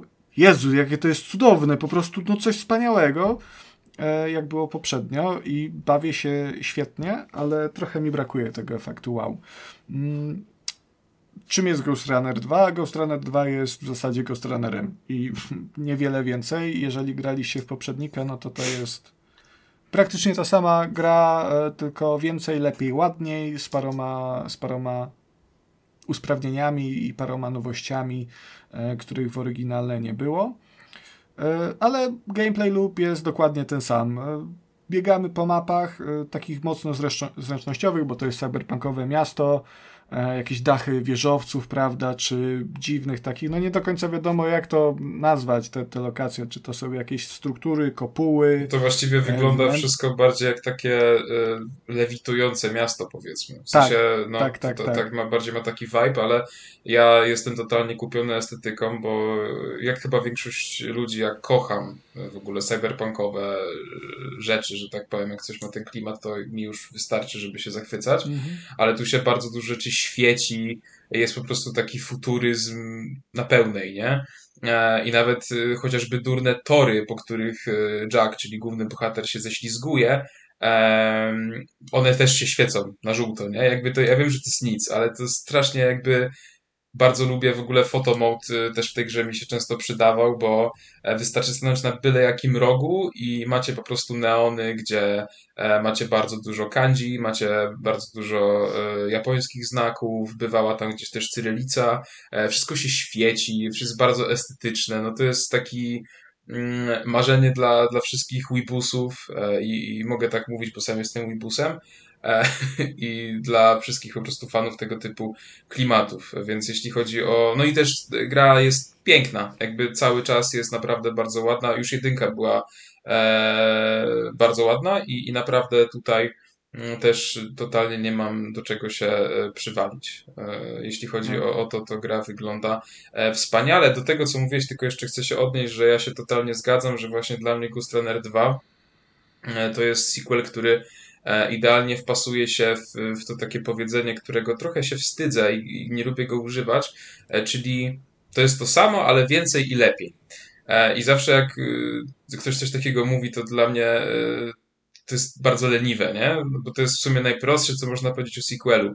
E, ale to jest prawda. W sensie Ghost Runner 2 jest, można powiedzieć, że on, to, to jak ta gra wygląda względem poprzednika, to jest e, perfekcyjny przykład tego stwierdzenia. Bo to jest naprawdę to samo, tylko że jest więcej i jest lepiej. Jakby ci ktoś puścił gameplay z jedynki albo z dwójki i zapytał się, która to jest część, to miałbyś, zakładam, problem. E, tak, w sensie e, myślę, że byłbym w stanie przez jakieś tam niuanse, ale to nie byłoby tak, że patrzę i mówię, o, dwójka. Mm. Tylko musiałbym tak chwilę się przyjrzeć, pooglądać, poanalizować i dopiero wtedy bym mógł odpowiedzieć, ale e, tak. Tylko, że to chyba dobrze świadczy, nie? W sensie o, o jedynce przede wszystkim, bo ta gra tak, wygląda tak, tak, tak świetnie i, i, to, nie, i to brzmi trochę jak przytyk, ale ja bym, ja uważam, że to mimo wszystko jest bardziej pochwała niż przytyk. To, to jest, to jest, tak się mówi, nie? że to jest sequel idealny, bo on wziął wszystko to, co było w oryginale bardzo dobre, a tam było bardzo dużo dobrego e, i po prostu to poprawił. Także no tam już był świetny gameplay loop, bo, bo ten gameplay jest naprawdę uzależ, uzależniający, nie? Te wszystkie cięcia noż, miecz, nożem, kurwa, e, mieczem, kataną, jak zwał, tak zwał, są mega soczyste, zwłaszcza te kończące daną grupę przeciwników w tym zwolnieniu, gdzie widzisz, jak ta główka odpada i robi fikołka w powietrzu, to bieganie po ścianach, yy, przyciąganie się tą linką, rzucanie shurikenami. No czujesz się jak taki badass po prostu, nie? W sensie, tak, tak. jak, jak uda ci się... przez tą muzykę, nie? Tak, tak, ale to jest w ogóle. Y, no, chyba trafnym porównaniem jest, że Ghost Runner 2 y, jest jakby w tym samym worku co Hotline Miami. Tak, mm, zdecydowanie. Więc ta gra frustruje strasznie. Bardzo ona jest frustrująca niezwykle, ale jednocześnie, kiedy macie dużą mapę i kiedy macie dużo tych przeciwników i kiedy zginiecie tam 20 razy, już macie dosyć, ale uda wam się to zrobić. Czyli e, tu się przyciągniecie, tu dobrze odbijecie pocisk, tutaj oddeciecie komuś łeb, tutaj potem przesuniecie się po ścianie e, i, pokonacie jeszcze dwóch przeciwników. I jakby jak to zrobicie, to macie takie kurwa, nie? Tak, i to wszystko też jest mega fair, nie? To nie jest tak, że ci przeciwnicy jakoś cię robią w chuja, czy oni są rozstawieni tak, e, żeby cię zaskoczyć jakoś specjalnie. W zasadzie zazwyczaj, kiedy wchodzisz na arenę, no bo tam są takie areny tak naprawdę i to tak, tak, tak, no. no trudno to inaczej nazwać, e, to w większości przypadków widzisz tych przeciwników, rozstawienie ich, zanim oni mogą zauważyć ciebie, więc możesz sobie plus minus rozplanować, jak chcesz tam biec. E, ich jechać, bo większość aren ma kilka różnych opcji, żeby do nich podejść, nie? Także zazwyczaj są jakoś dwie, trzy, coś takiego. Tak, nawet y, to nie będzie spoiler, bo to jest już w pierwszej misji, że jest taki motyw, że właśnie jakby e, musicie się podciągnąć na lince, żeby dostać się do e, areny z przeciwnikami i możecie pójść albo prosto na centralną kładkę, albo w lewo, gdzie jest tam jeszcze chyba dwóch typa, albo w prawo, gdzie też jest dwóch typa. Więc jakby możecie zdecydować, czy chcecie wejść od razu w, do centrum, gdzie jest najwięcej przeciwników, ale wtedy reszta was zauważy, zacznie do was strzelać i będziecie mieli trudno, e, czy zaczniecie od boku, gdzieś tam się sprytnie prześlizgniecie. E, oczywiście możliwe, że zajmie wam to tyle take'ów, że sprawdzicie wszystkie trzy te możliwości. E, Mówię tak, ponieważ mi też mogło się tak zdarzyć, ale e, jest to też fajne właśnie, że jakby nie, To nie jest tak, że twórcy zaplanowali dla nas jeden schemat i musisz go zrobić, po prostu będziesz się męczył, aż ci się nie uda. Tylko tu masz na tyle dużą dowolność, że sam możesz decydować, jak wolisz to rozegrać, więc to też duży propsik za to. Tu też warto zaznaczyć, jeżeli ktoś nie wie, dlaczego Ghost Runner jest trudny, e, dwa powody. Pierwszy, bardzo szybka akcja, drugi, ginie się na hita.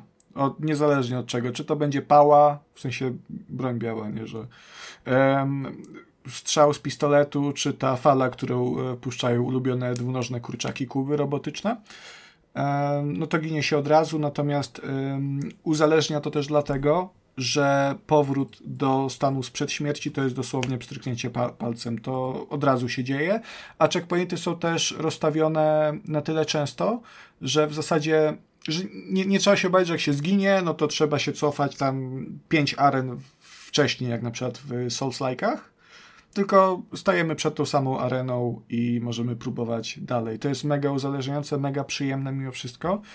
E, ja też nie uważam, żeby to była jakaś wybitnie trudna gra. E, może to przez to, że mam doświadczenie z tymi poprzednimi Ghost Runnerami. No jest trudno, e, jest trudno. Te, też jestem względnie, no nie jest zbyt daleko w, w grze, także to może to wynika z tego. Zakładam, że no później się zrobi dużo trudniej, bo już te pierwszych parę misji, które przeszedłem, no to tam przeciwników bardzo dużo wprowadzają różnorodnych, różnorodnych mechanik, no bo mamy te linki, te shurikeny, które też mają różne działanie. Słabszych przeciwników zabijają od razu, większych, bardziej wytrzymałych neutralizują na chwilę e, i możemy ich elegancko zabić. E, możemy nimi rzucać beczki wybuchowe, czego nie było w ogóle chyba w poprzednikach. E, mówię tutaj o jedynce i dodatku. Natomiast teraz można te beczki, w te beczki rzucać shurikenami, one wybucha, wybuchają i tam um, przeciwników blisko nich rozwalają. Mamy te magiczne umiejętności, powiedzmy. Bo Ghost Runner to jest w ogóle taki cybernetyczny ninja, więc on jest ma swoje wszczepy, to można też ulepszać, e, dodatkowe bonusy sobie dodawać, na przykład e, no, takie ułatwienia jak e, oto pierdół, jak to, że przeciwnicy mają czerwoną obwódkę, więc ich jest łatwiej zauważyć, aż po już na takie fajne rzeczy jak to, że no z wykonanie tych takich perfekcyjnych parowań mieczem, które od razu zabijają przeciwnika albo odbijają E, pocisk w jego kierunku z powrotem, no to jest dużo łatwiej wykonać, nie? Do tego mamy e, te uniki szybkie, plus spowolnienie czasu przy tych unikach. E, nowością jest też ta super zdolność, kilka ich, chyba jest, ich jest sześć. Pierwsza odblokowana, no to na przykład jest właśnie taki promień śmierci, który, który wszystko zabija z odległości, natomiast żeby móc z niego skorzystać, no to możemy raz, a potem trzeba pozabijać paru przeciwników normalnie, żeby ten pasek się z powrotem e, naładować. No możliwości jest tutaj naprawdę multum podejścia do problemu, e, także jeżeli nie czujemy się zbyt pewnie na bliski kontakt, no to możemy na, tych z pistoletami próbować tam odbijać ich pociski w ich kierunku z powrotem, bo akurat może ten timing nam lepiej wychodzi niż takie szybkie machanie z bliska. No jak najbardziej można, można sobie ponabijać gdzieś naokoło na mniejszych przeciwnikach tę super zdolność, żeby zabić y, jakiegoś większego przeciwnika. No ale to wszystko jest no, do dogrania, to jest wszystko jak najbardziej fair, a jeżeli nadal jest za trudno, można sobie zmniejszyć poziom trudności, nie ma problemu. Są jakieś asysty, nie wgłębiałem się tak naprawdę, jakie to są. no ale jakaś tam, jakaś tam pomoc jest y, dla mniej hardkorowych graczy. Także jeżeli, jeżeli tu na przykład jak Kacper nie, nie czujecie się zbyt pewnie w tak o, szybkich o, produkcjach, o, już od razu. No, to nie mówię, żeby cię obrazić teraz, no, ale sam mówiłeś, sam wielokrotnie mówiłeś, że w takie trudne produkcje grać nie lubisz i, i wolisz grać na easy, e, żeby się nie frustrować. No to jeżeli nie lubicie się frustrować, jak Kasper, może tak, to ładniej, prawda? No to jak najbardziej tutaj sobie można to wszystko mm, doprecyzować e, pod siebie. To uważam, że będzie się świetnie bawić, bo mimo wszystko niezależnie czy gracie na trudnym poziomie, czy na małym, no to jest piękna gra, bardzo uzależniająca um, i, i z fantastyczną muzyką, bo to chciałem powiedzieć, Kacper mi przerwał. Dziad jeden. Um, Natomiast e, no muzyka jest świetna, e, to jest taki, taki dość energetyczny synthwave e, i on bardzo buduje klimat i właśnie mm, to uzależniające uczucie. Chyba drugiej misji tam przez pewien moment nie było w ogóle muzyki, a było trochę biegania, ciechania przeciwników i to trochę nie było już to samo i byłem zdenerwowany, że nie ma muzyki i myślałem, że mi się Xbox znowu zepsuł przez to Quick Resume E, ale nie, no po prostu taki był tam zabieg fabularny, potem muzyka się e, włączyła.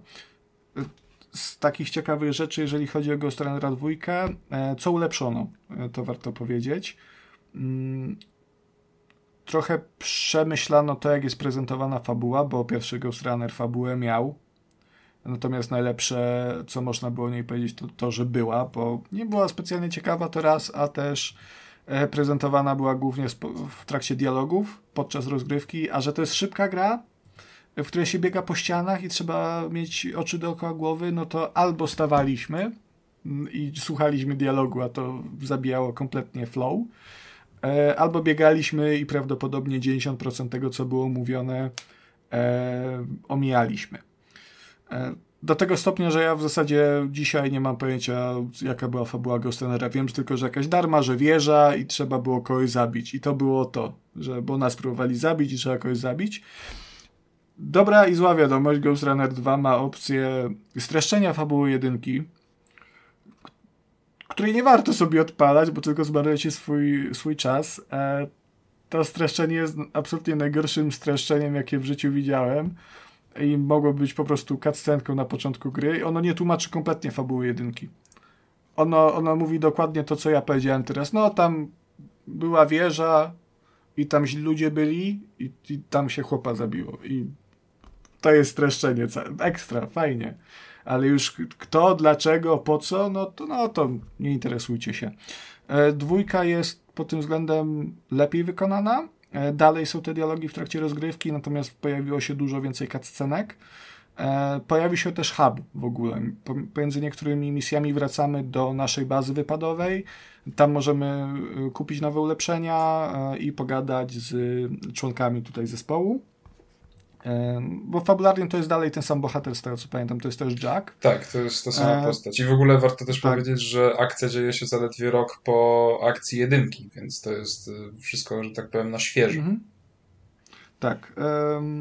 I tutaj akcja znowu jest wielkie zło, które próbuje tam zniewolić y, ludzi jakoś tak to odbieram, bo tam znowu te nazwy, to streszczenie nic mi nie przypomniało, a trochę ten Ghost Runner opiera się na tym, że wiecie, co było w jedynce i trochę pamiętacie z niej.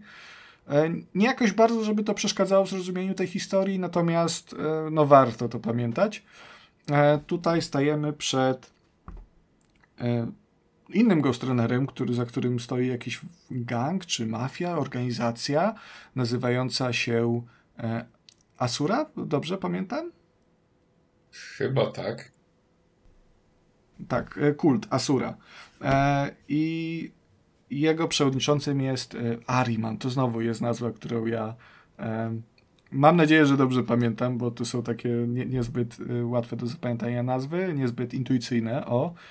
Um, no i no cóż, no, no celem jest no, no zabicie go, bo jest pan zły i będzie robił złe rzeczy. E, nie jest to jakoś na razie bardzo odkrywcze, zobaczymy później. E, ale no śledzi się to zdecydowanie łatwiej przez to, jak to zostało zaprezentowane. E, w tym hubie też jest dużo dialogów, więcej dowiadujemy się o świecie. Mamy też większą świadomość tego, po co idziemy w ogóle w dane lokacje i czym są te lokacje. E, po prostu rozmawiamy z ludźmi i to jest fajne, natomiast trzeba przyznać, że to jest trochę miecz obosieczny, bo z jednej strony jest łatwiejsze zrozumienie fabuły i trochę upgrade do, do pacingu, bo można sobie po walkach z bossami odpocząć troszkę. Z drugiej strony mm, niekiedy powroty do tej bazy są tak wrzucone do, między misje, że zaburza to trochę flow moim zdaniem i wybija. No ale to dalej uważam, że to jest plus mimo wszystko, bo no, wiem o czym jest gra. Y, I, aha, i tutaj jeszcze warto powiedzieć, Kasper mówi, że ta gra jest, że ta grafika jest przepiękna i nie ma się do czego przyczepić. W większości się zgadzam, że Ghost Runner wizualnie jest bezbłędny. poza jedną rzeczą, modelami postaci. Bo modele postaci w tej grze y, to jest nieśmieszny żart i no może za mocne słowo. W trakcie samej rozgrywki to nie ma znaczenia, bo to, to są po prostu rozmazane na ekranie ludziki, tak szybko tam biegamy. Natomiast to wszystko widać w tym hubie, w którym spędzamy trochę czasu na rozmowach. No widać, że te modele bohaterów tu mogli się postarać, przynajmniej tych, z którymi gadamy i widać twarze, mogli jakoś ładnie to zrobić.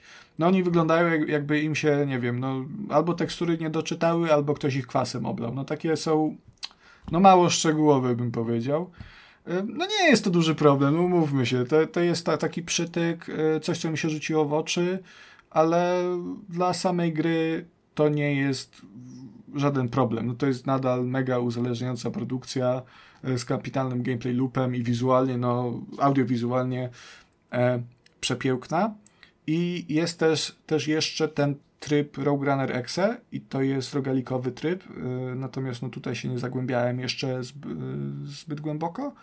Kuba w to na streamie chyba grał, także jak, jak ktoś chciałby zobaczyć, jak to wygląda, no to tam jest zapis rozgrywki na YouTubie naszym.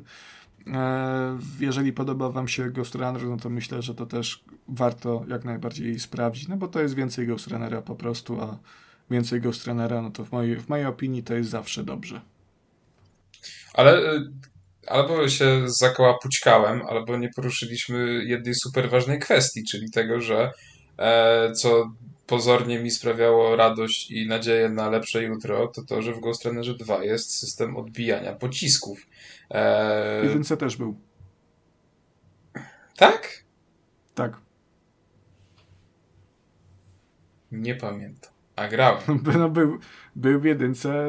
Tylko wiesz co, nie wiem, czy tam było tak, że mogłeś wszystkie pociski odbijać, bo tu. No właśnie mi się kojarzy, że nie. Wszystkie, tak, to znaczy w sensie ale... aż nie, nie, nie wyzeruje się y, pasek y, wytrzymałości.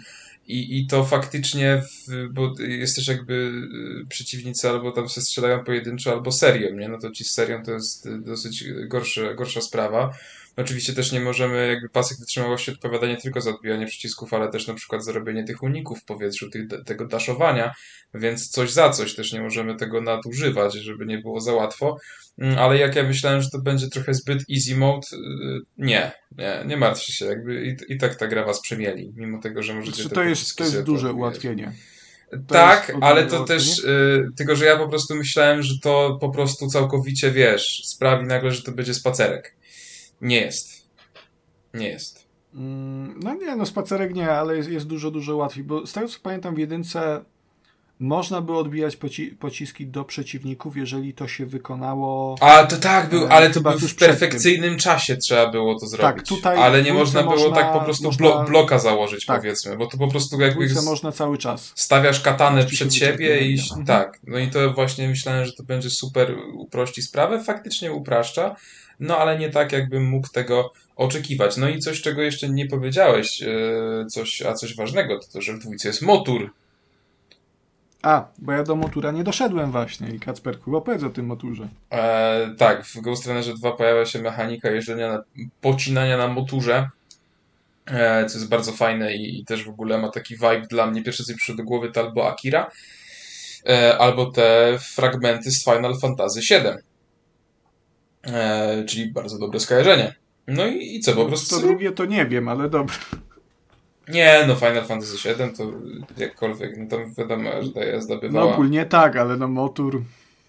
No to wiesz, łapanie Chocobo też mi zajęło 3 godziny i płakałem i miałem ochotę uderzyć się tym padem w głowę, ale też dobrze wspominam. Łapanie Chocobo akurat było zajebiste. Dobrze, dobrze. Konrad jak zawsze, kurwa, w drugą stronę. e, tak, no ale no w sumie nie wiem, co tu więcej powiedzieć. Jest to tak samo dynamiczne. Musimy jakby, prawda, e, to nie jest tak, że sobie po prostu pyrkamy jak w GTA, no tylko to jest y, elementy zręcznościowe, e, więc są rzeczy, których musimy unikać, są rzeczy, na które musimy najechać, jakby musimy poświęcić 100% uwagi podczas y, tych segmentów, ale jest to bardzo fajne urozmaicenie, które też przy okazji świetnie wpasowuje się w cały klimat gry e, i nie mamy takiego wrażenia, że to jest tak dorzucone na siłę. Mm, więc y, bardzo fajnie. Mi się to bardzo podobało i w ogóle świetny pomysł. Nie spodziewałem się, E, ale fajnie. Tak samo jak to, że właśnie to, co mówiłeś, że można chociażby wdawać się w, w rozmowy z, z NPC-tami, to też jest super.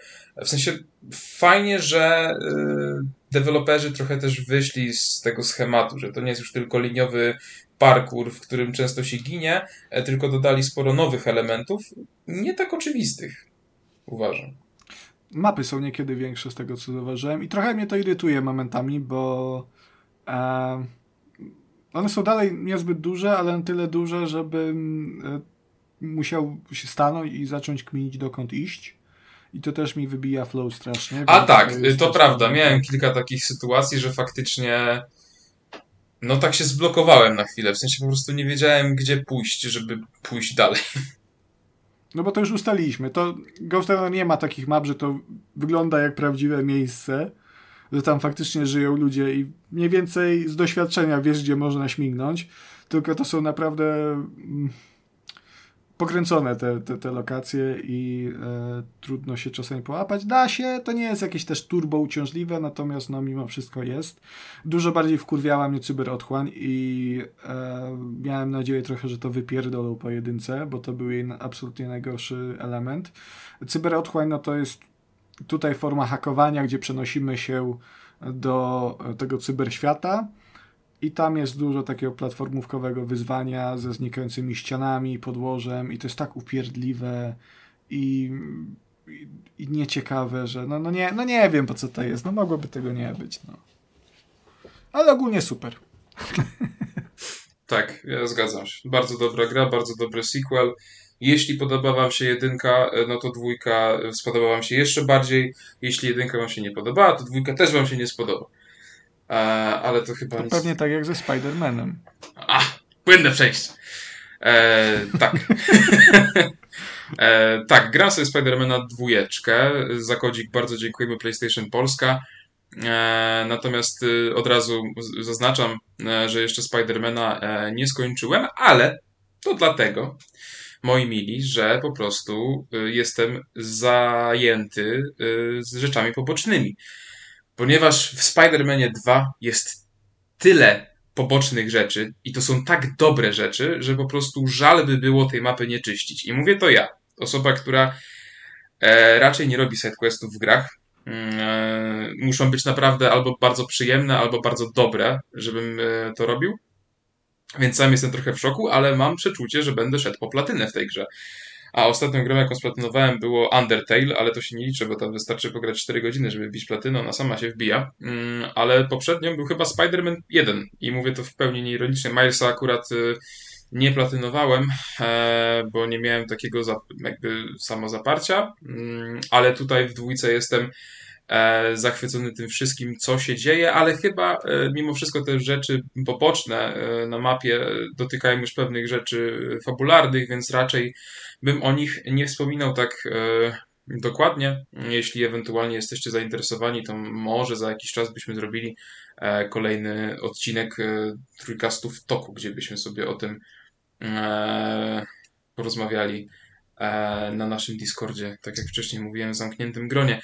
W każdym razie mm, Spider-Man 2... No, ale, ale Kacper, Kacper, w Cyberpunka to grali i grają wszyscy, a, a w Spidermana to kto tam gra?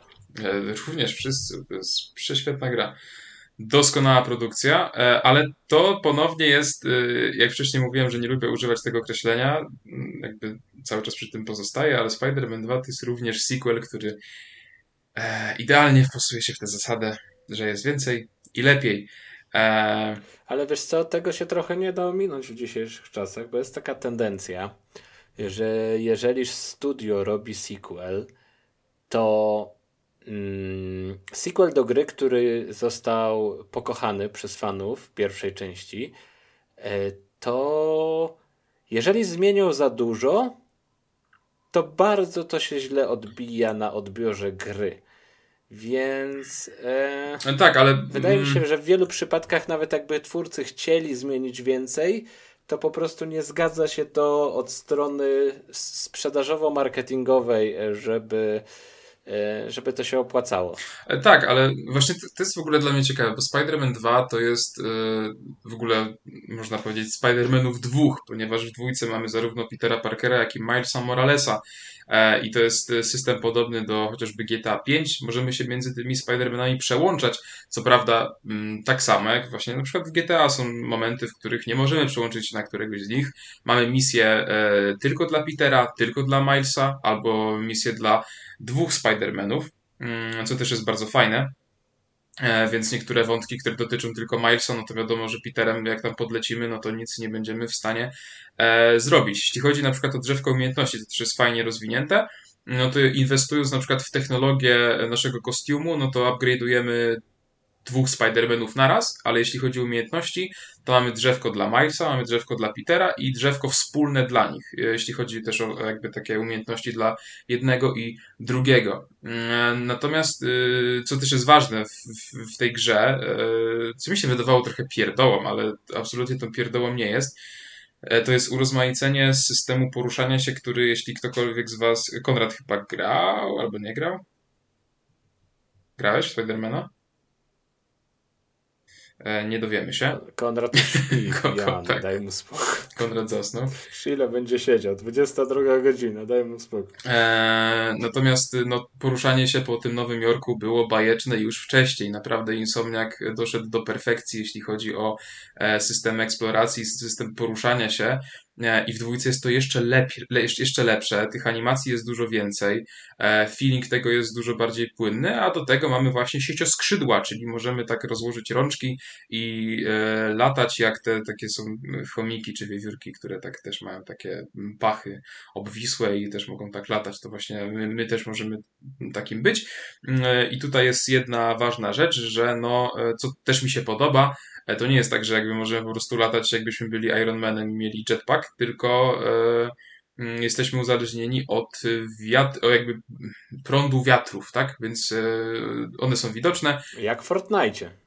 Jak w Fortnite. Musimy w taki wlecieć, on nas wtedy prowadzi do przodu albo do góry, mm, więc tak, ale to nie jest problem, no bo nawet jeśli już nie mamy tego, tego wiatru i spadamy, no to możemy się po prostu podciągnąć, że tak powiem, na pajęczynie.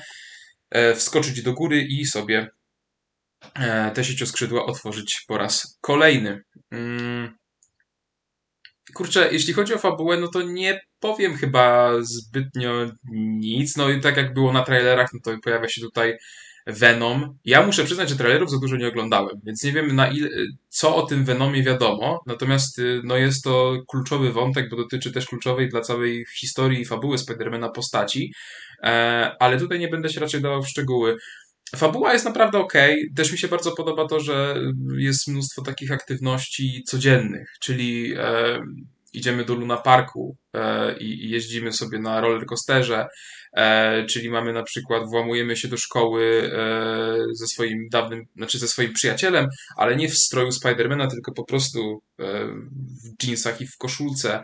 E, mamy mechanikę rzucania piłki do kosza, mm, do tego to rewelacja. Nie, w sensie to jest, to jest fajne, nie? Na przykład, albo już mnie zaskoczyło to, jak y, gra w Spidermana, a jeżdżę Peterem Parkerem na rowerze. Nie, no, to jest mega spoko, że dodali takie elementy. E, one nie są może najlepiej zrobione, w sensie to nie jest, czuć, że ta gra nie została zrobiona po to, żebyś jeździł w niej na rowerze, e, ale fajnie, że coś takiego dodali. E, jest też sporo takich smaczków dronowych, powiedzmy, e, no bo Spider-Man ma te swoje Spider-boty, ale do tego też e, są sidequesty, mm, e, nieco inne, ale to tak jak mówię, chyba jeszcze nie będę wdawał się w żadne szczegóły. Mapa też jest dużo większa, ponieważ tutaj mamy już cały Central Park i, tą dzielnicę Peterową, ale mamy też całą dzielnicę Milesową, więc mamy jakby miasto po dwóch stronach rzeki, E, Manhattan in Queens, Kasper. Tak, dokładnie. E, I to jest bardzo, bardzo fajne. E, I to jest w ogóle ciekawe, że bardzo późno dowiedziałem się o tym, przypadkiem w sumie się dowiedziałem, że w tej grze jest y, szybka podróż. Ponieważ faktycznie jest, jeśli tam zrobicie, e, wyczyścicie pewną ilość e, aktywności pobocznych na danym sektorze, regionie mapy, no to wtedy macie dostęp do e, szybkiej podróży, ale jakby podróżowanie w tej grze jest tak przyjemne, że absolutnie nie ma e, potrzeby, żeby z, z tego korzystać, chociaż e, muszę przyznać, że właśnie Spider-Man 2 też jest w moim odczuciu chyba bym się pokusił o stwierdzenie, że taką pierwszą grą, która dała mi poczucie, że gram na nowej generacji i że ta gra została zaplanowana i stworzona na nową generację. E, nie bo... no, Starfield przecież. Todd Howard mówił. E, nie grałem. nie grałem, także e, z tych, w które grałem. Konrad, a ty nie jedz pasztetu na odcinkach. Płatki jem, bardzo dobre. Kanguski. Smacznego. Dziękuję. E, tak, ale e, fajne jest to, że Insomniak, w ogóle Insomniak wyrasta na mojego bardzo dużego lidera, jeśli chodzi o, o, o studia deweloperskie, bo oni nie, jakby wszystko im się trafia ostatnio, nie? Pierwszy Spider-Man świetny, do tego Ratchet i Clank Rift Apart świetny, Spider-Man Miles Morales świetny, Spider-Man 2 wybitny. E, czekam na Wolverina, ale jestem już niemal przekonany, że się nie zawiodę.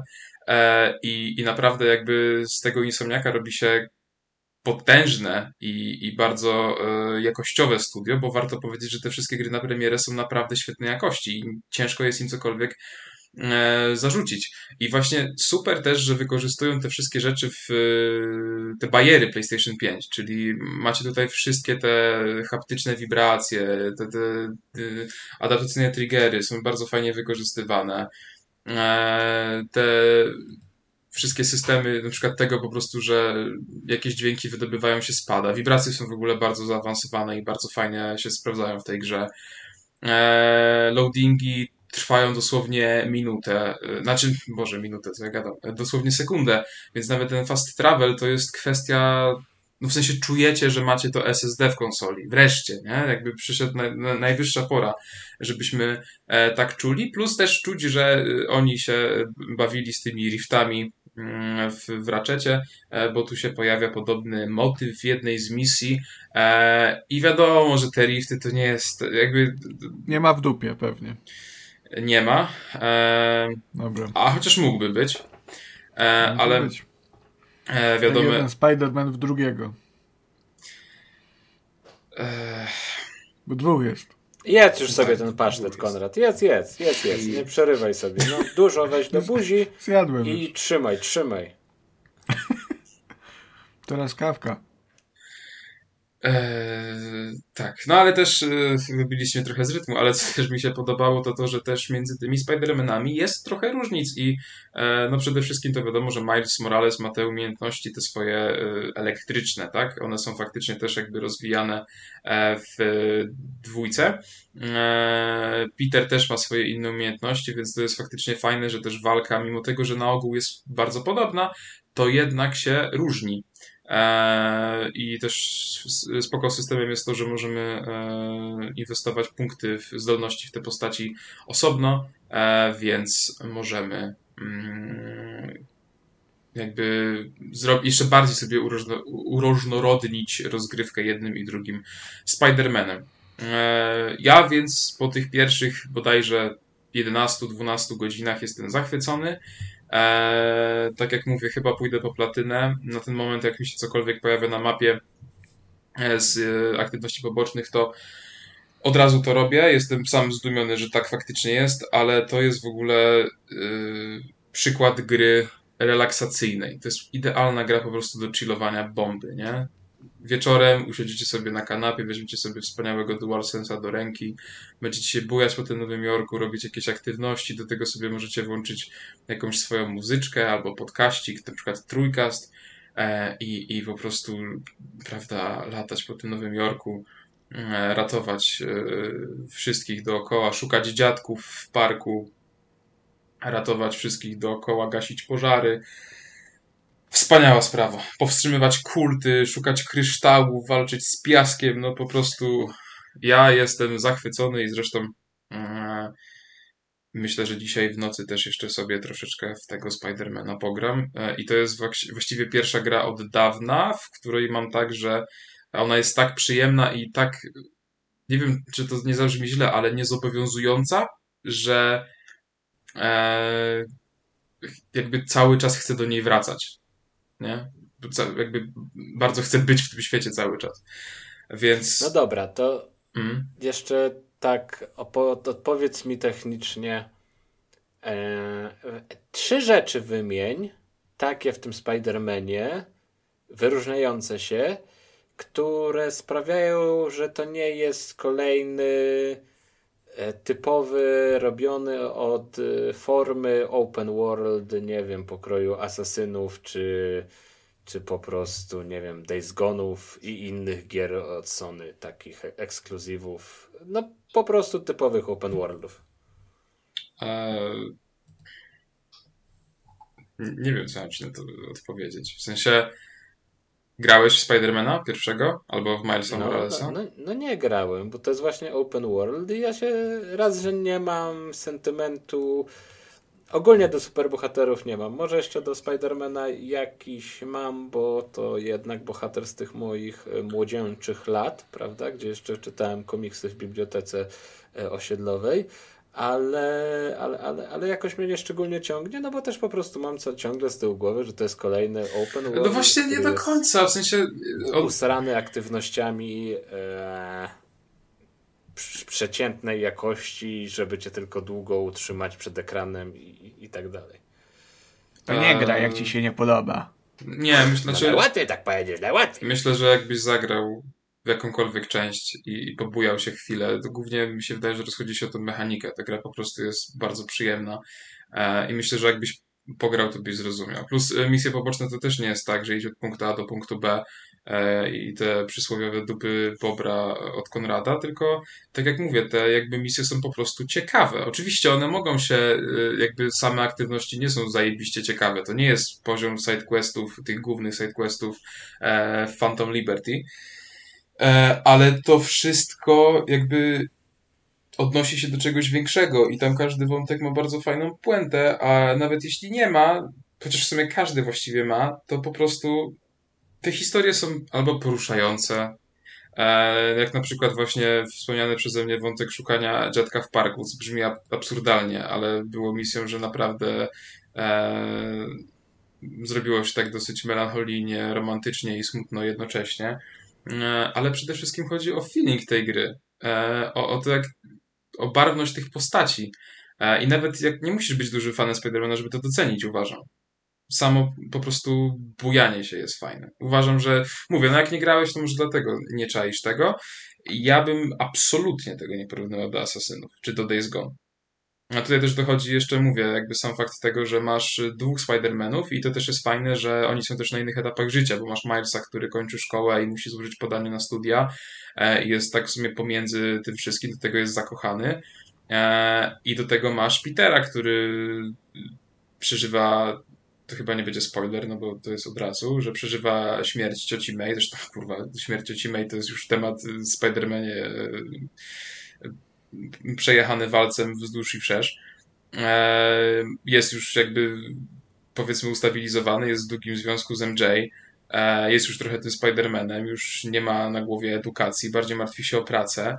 E, to też jest bardzo fajne. No i plus oni się zachowują jak tacy bracia, powiedzmy, nie? Więc jakby oni tam korelują ze sobą. To trochę jak my, Kacper, zobacz. Tak, dokładnie. Ja jestem takim... Troszkę tak jest. Ja jestem takim Milesem Moralesem, ty jesteś Peterem Parkerem, a Konrad jest tym kurwa JJJ-em, co co chwilę napierdalam tych dwóch Spider-Manów w radiu. Miałem nadzieję, że ciocią May będę. Dobrze, Kacperku, to jeszcze jedno pytanie mam. No. Powiedz mi tylko, bo na trailerach robiło to wrażenie, jak bardzo skillowe są walki z bossami.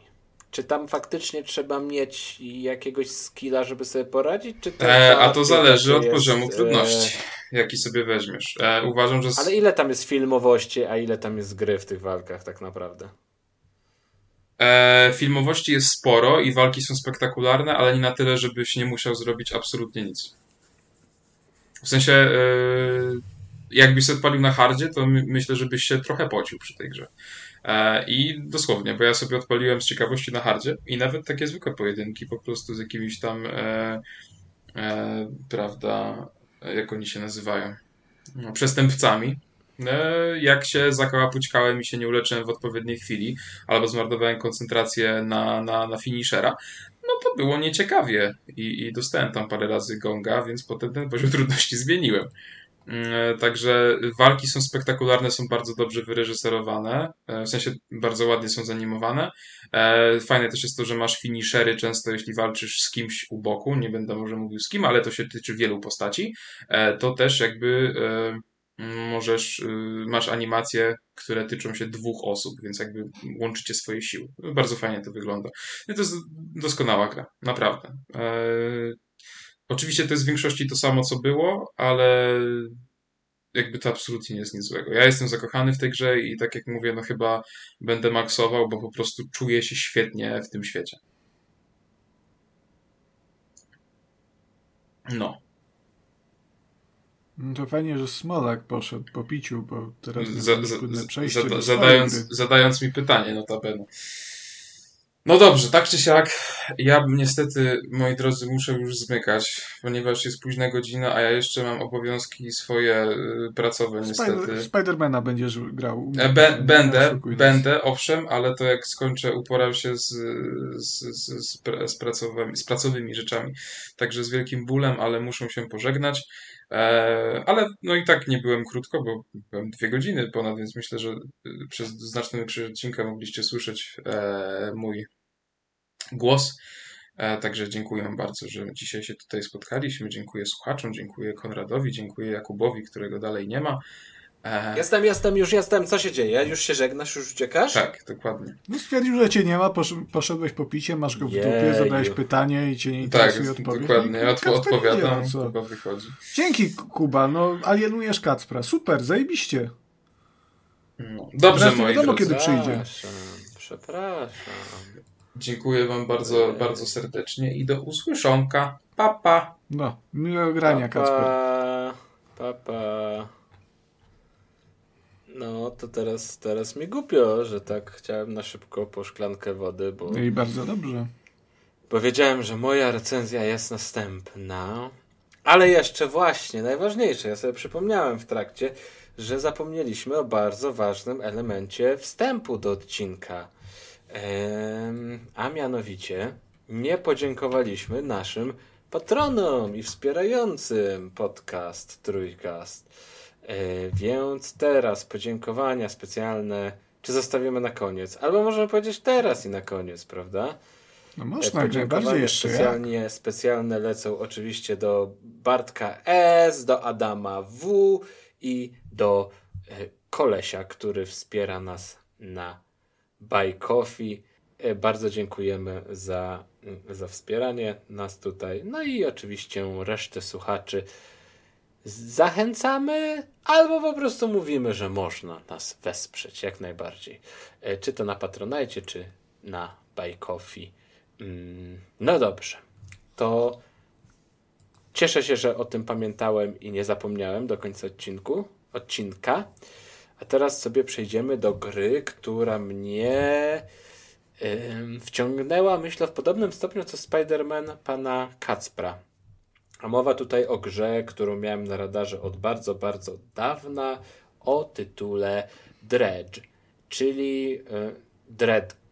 Tak to będzie się pisało. Myślę, że może w ten sposób Wyszliśmy na znaleźć. środek i zatańczyliśmy Dreadgensa, tak? Tu można powiedzieć. Dread, Dreadge Dance'a zatańczyliśmy. Dreadgens. E, Czyli taki Jest to- taniec na indyku, jak ktoś nie wie. Śmiało myślę, że można tak powiedzieć, albo jeszcze można by powiedzieć, że po prostu taniec na pokładzie, O, bo e, w Dredge Indyka. jesteśmy sobie jako bohater, jesteśmy sobie statkiem, stateczkiem. Yy, No i o tej grze było bardzo, bardzo głośno. Na premierę miała w marcu tego roku. No i jak teraz tak spoglądam na Steam, no to widzę tutaj ponad 17 tysięcy recenzji, 95% pozytywnych. No to to jest jeden z tych indyków premium, obok którego nie da się przejść obojętnie. No i ja długo, długo się zbierałem, ale tak się złożyło mm, szczęśliwie, że wydawca gry, czyli Team 17, podesłał nam kluczyk. Y, I miałem sobie okazję ograć grę Jeszcze nie skończyłem, ale już jestem tam pod koniec sam, tak mi się przynajmniej wydaje. Wszystko na to wskazuje. Y, no, kolejny plus jest taki, że w listopadzie będzie DLC, czyli coś tam nowego zostanie wprowadzone do gry, najprawdopodobniej nowy rozdział, przygoda troszkę się wydłuży, więc, więc, więc też już zacieram rączki na ten dodatek, na to rozszerzenie. No a teraz sobie porozmawiajmy o samym Dredge. Mm, tak jak już wspominałem, w tej grze jesteśmy stateczkiem i poza ten statek nie wychodzimy, czyli wszędzie sobie płyniemy, płynie, pływamy sobie od portu do portu, od lokacji do lokacji, ale cały czas jesteśmy jako statek, jako takiego bohatera, który ma ręce i nogi, nie mamy i nigdzie nim sobie nie chodzimy. I teraz o co w tej grze chodzi? Żeby doprecyzować, ten statek to jest taki statek rybacki, kuter. czyli taki ku, kuter, tak. Eee, przez chwilę złapałem takie zawieszenie w mózgu, czy to jest kuter, czy kuter, ale skoro Chyba mówisz, kuter. że kuter, to niech, to niech będzie kuter. Albo kutr. Eee, więc, więc, więc jesteśmy sobie tym kutrem. Nie, kuter, dobrze, kuter. I, I łowimy ryby. A cała przygoda zaczyna się od tego, że płyniemy sobie za pracą, jako właśnie ten poławiacz, ten y, rybak i y, wpadamy no taką, nie wiem, coś w mgle nieznanej, magicznej, rozbijamy się w każdym razie, no i dostajemy tam od tego miejsca, do którego udało nam się dopłynąć, tam e, otrzymujemy nowy statek, który musimy spłacić u lokalnego burmistrza. No i żeby go spłacić, to musimy troszkę tych ryb wyłowić i je sprzedać. I na początku to tak faktycznie wygląda, że sobie pływamy od ławicy do ławicy, zarzucamy wędkę i te ryby wyciągamy, żeby je później sprzedać, kupić kolejne ulepszenie, coś tam e, naprawić jakąś umiejętność wykupić i to jest taki podstawowy mm, lub tej gry, ale szybko tam się jakaś fabułka pojawia. Drobna to drobna, taka bardzo um, mistyczna, tajemnicza, trochę do własnej interpretacji, no ale musimy szukać potężnych artefaktów, za znalezienie każdego z nich otrzymujemy jakąś tam super, super umiejętność. No i to trochę też nam wyznacza tor fabuły i tor gry, bo te morza, te wysepki, no to jest teoretycznie otwarty świat, więc możemy sobie popłynąć gdzie chcemy, ale też oczywiście na początku niektóre wyspy będą za daleko, więc potrzebować będziemy lepszego statku, albo żeby podpędzić tam jakiegoś morskiego stwora, no to będziemy musieli mieć określoną umiejętność. Także troszkę, niby ten otwarty świat, ale troszkę jesteśmy przez e, posiadanie odpowiednich umiejętności, sprzętu ograniczani którą stronę mamy się poruszać i, i jak po kolei mm, tę fabułę poznawać. No i e, tak jak wspominałem, łapiemy sobie te rybki. I kurczę, to jest taki system, że czas mija tylko i wyłącznie wtedy, kiedy wykonujemy akcję. Czyli jeśli wypłyniemy sobie statkiem na morze i ten statek będzie tam stał, po prostu stał, to czas będzie w miejscu, też stał. Ale jeżeli płyniemy, czyli naciskamy strzałkę do przodu i on się przemieszcza, to wtedy automatycznie też upływa czas. I w ciągu dnia jesteśmy bezpieczni względnie. Ale po zmroku, czyli gdzieś tam, nie wiem, godzina 18, 19, 20 na, w świecie gry, wtedy zaczynają z odmętów wody i z tajemniczej mgły pojawiać się stwory różne, wychodzić i niebezpieczeństwa. I generalnie koncept jest taki, żeby za dnia łowić, a nocą wracać właśnie do portu, do miasteczka, do bazy, tam odpoczywać, sprzedawać łupy i tak dalej. Chociaż już później dalej możemy już tak trochę sobie ryzykować i e, eksplorować ten świat nocą. bo też część rzeczy będzie po prostu dostępna tylko nocą. Bo niektóre rybki sobie lubią żerować w nocy, a niektóre w dzień, a pewne aktywności się dzieją tylko po zmroku i tak dalej, i tak dalej. Także też musimy tutaj zarządzać tym ryzykiem, że coś nam się tam może złego stać. No też na przykład jak za daleko wypłyniemy, to zanim wrócimy na miejsce, to też upłynie za dużo tego czasu. Mm, no ale czym dłużej pozostajemy po prostu na wodzie, w tych ciemnościach, tym coraz większe zagrożenia zaczynają na nas yy, tam polować i czyhać. Nie może to być ogromny rekin, który gdzieś tam wpadnie na nas z furią, wyskakujące znikąd skały, o które się rozbijemy. Także po zmroku ta gra się trochę zamienia w taki horror i, i ja na początku faktycznie gdzieś tam ten, ta, ta adrenalina mi skakała. Mm, no później jak już sobie tam zdamy sprawę z tego, że w sumie jak się przegra, to się nic nie stanie, bo wystarczy wczytać sobie save, to, to jakoś się do tego podchodzi z większą rezerwą, ale, ale, ale jest to bardzo ciekawy system. No i przez to, że ciągle mamy coś do zrobienia i ciągle mamy plany na kilka dni do przodu, no to ta gra jest strasznie uzależniająca i ciężko się od niej oderwać, bo wchodzi ten syndrom jeszcze jednej tury, jeszcze jednego dnia i po prostu, dobra, dzisiaj nazbierałem tyle tych rybek. Tutaj też ciekawostka a propos zbierania rybek. Mm, mamy ograniczoną ilość miejsca na statku, a rybki mają określony kształt i trochę układanie ich na swoim pokładzie, w swoim, nie wiem, magazynie powiedzmy, trochę takie to jest tetrisowe, czyli musimy tak kombinować, żeby jak najwięcej miejsca tam wykorzystać i jak najwięcej tych rybek, jak najcenniejsze rybki ze sobą zabrać do, do miasta. I, I właśnie tutaj sobie jednego dnia nazbieram rybek, dobra je sprzedam, zarobię 300, no to będzie mnie stać na to ulepszenie, to kupię tę sieć, a jak kupię tę sieć, to popłynę tam, bo tam żyje ten określony gatunek ryb, który mogę złapać e, tą siecią.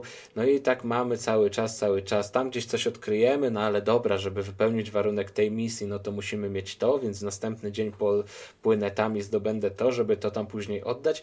No i tak sobie gramy i myślimy na kilka dni do przodu, planujemy, kombinujemy, ciągle coś się dzieje e, i naprawdę, naprawdę strasznie się wciągnąłem w tę gierkę. Do tego stopnia, że odpaliłem ją po raz pierwszy, to planowałem tak sobie po prostu ją sprawdzić na szybko, zajrzeć tam 30 minut, bo też miałem po prostu w głowie to, że odpalę um, stream i pokażę ją na streamie. No i tak się stało, że spędziłem w niej ponad 2,5 godziny. Także przy jednym podejściu, bo, bo, bo jeszcze to, bo jeszcze tamto i, i jeszcze to sprawdzę.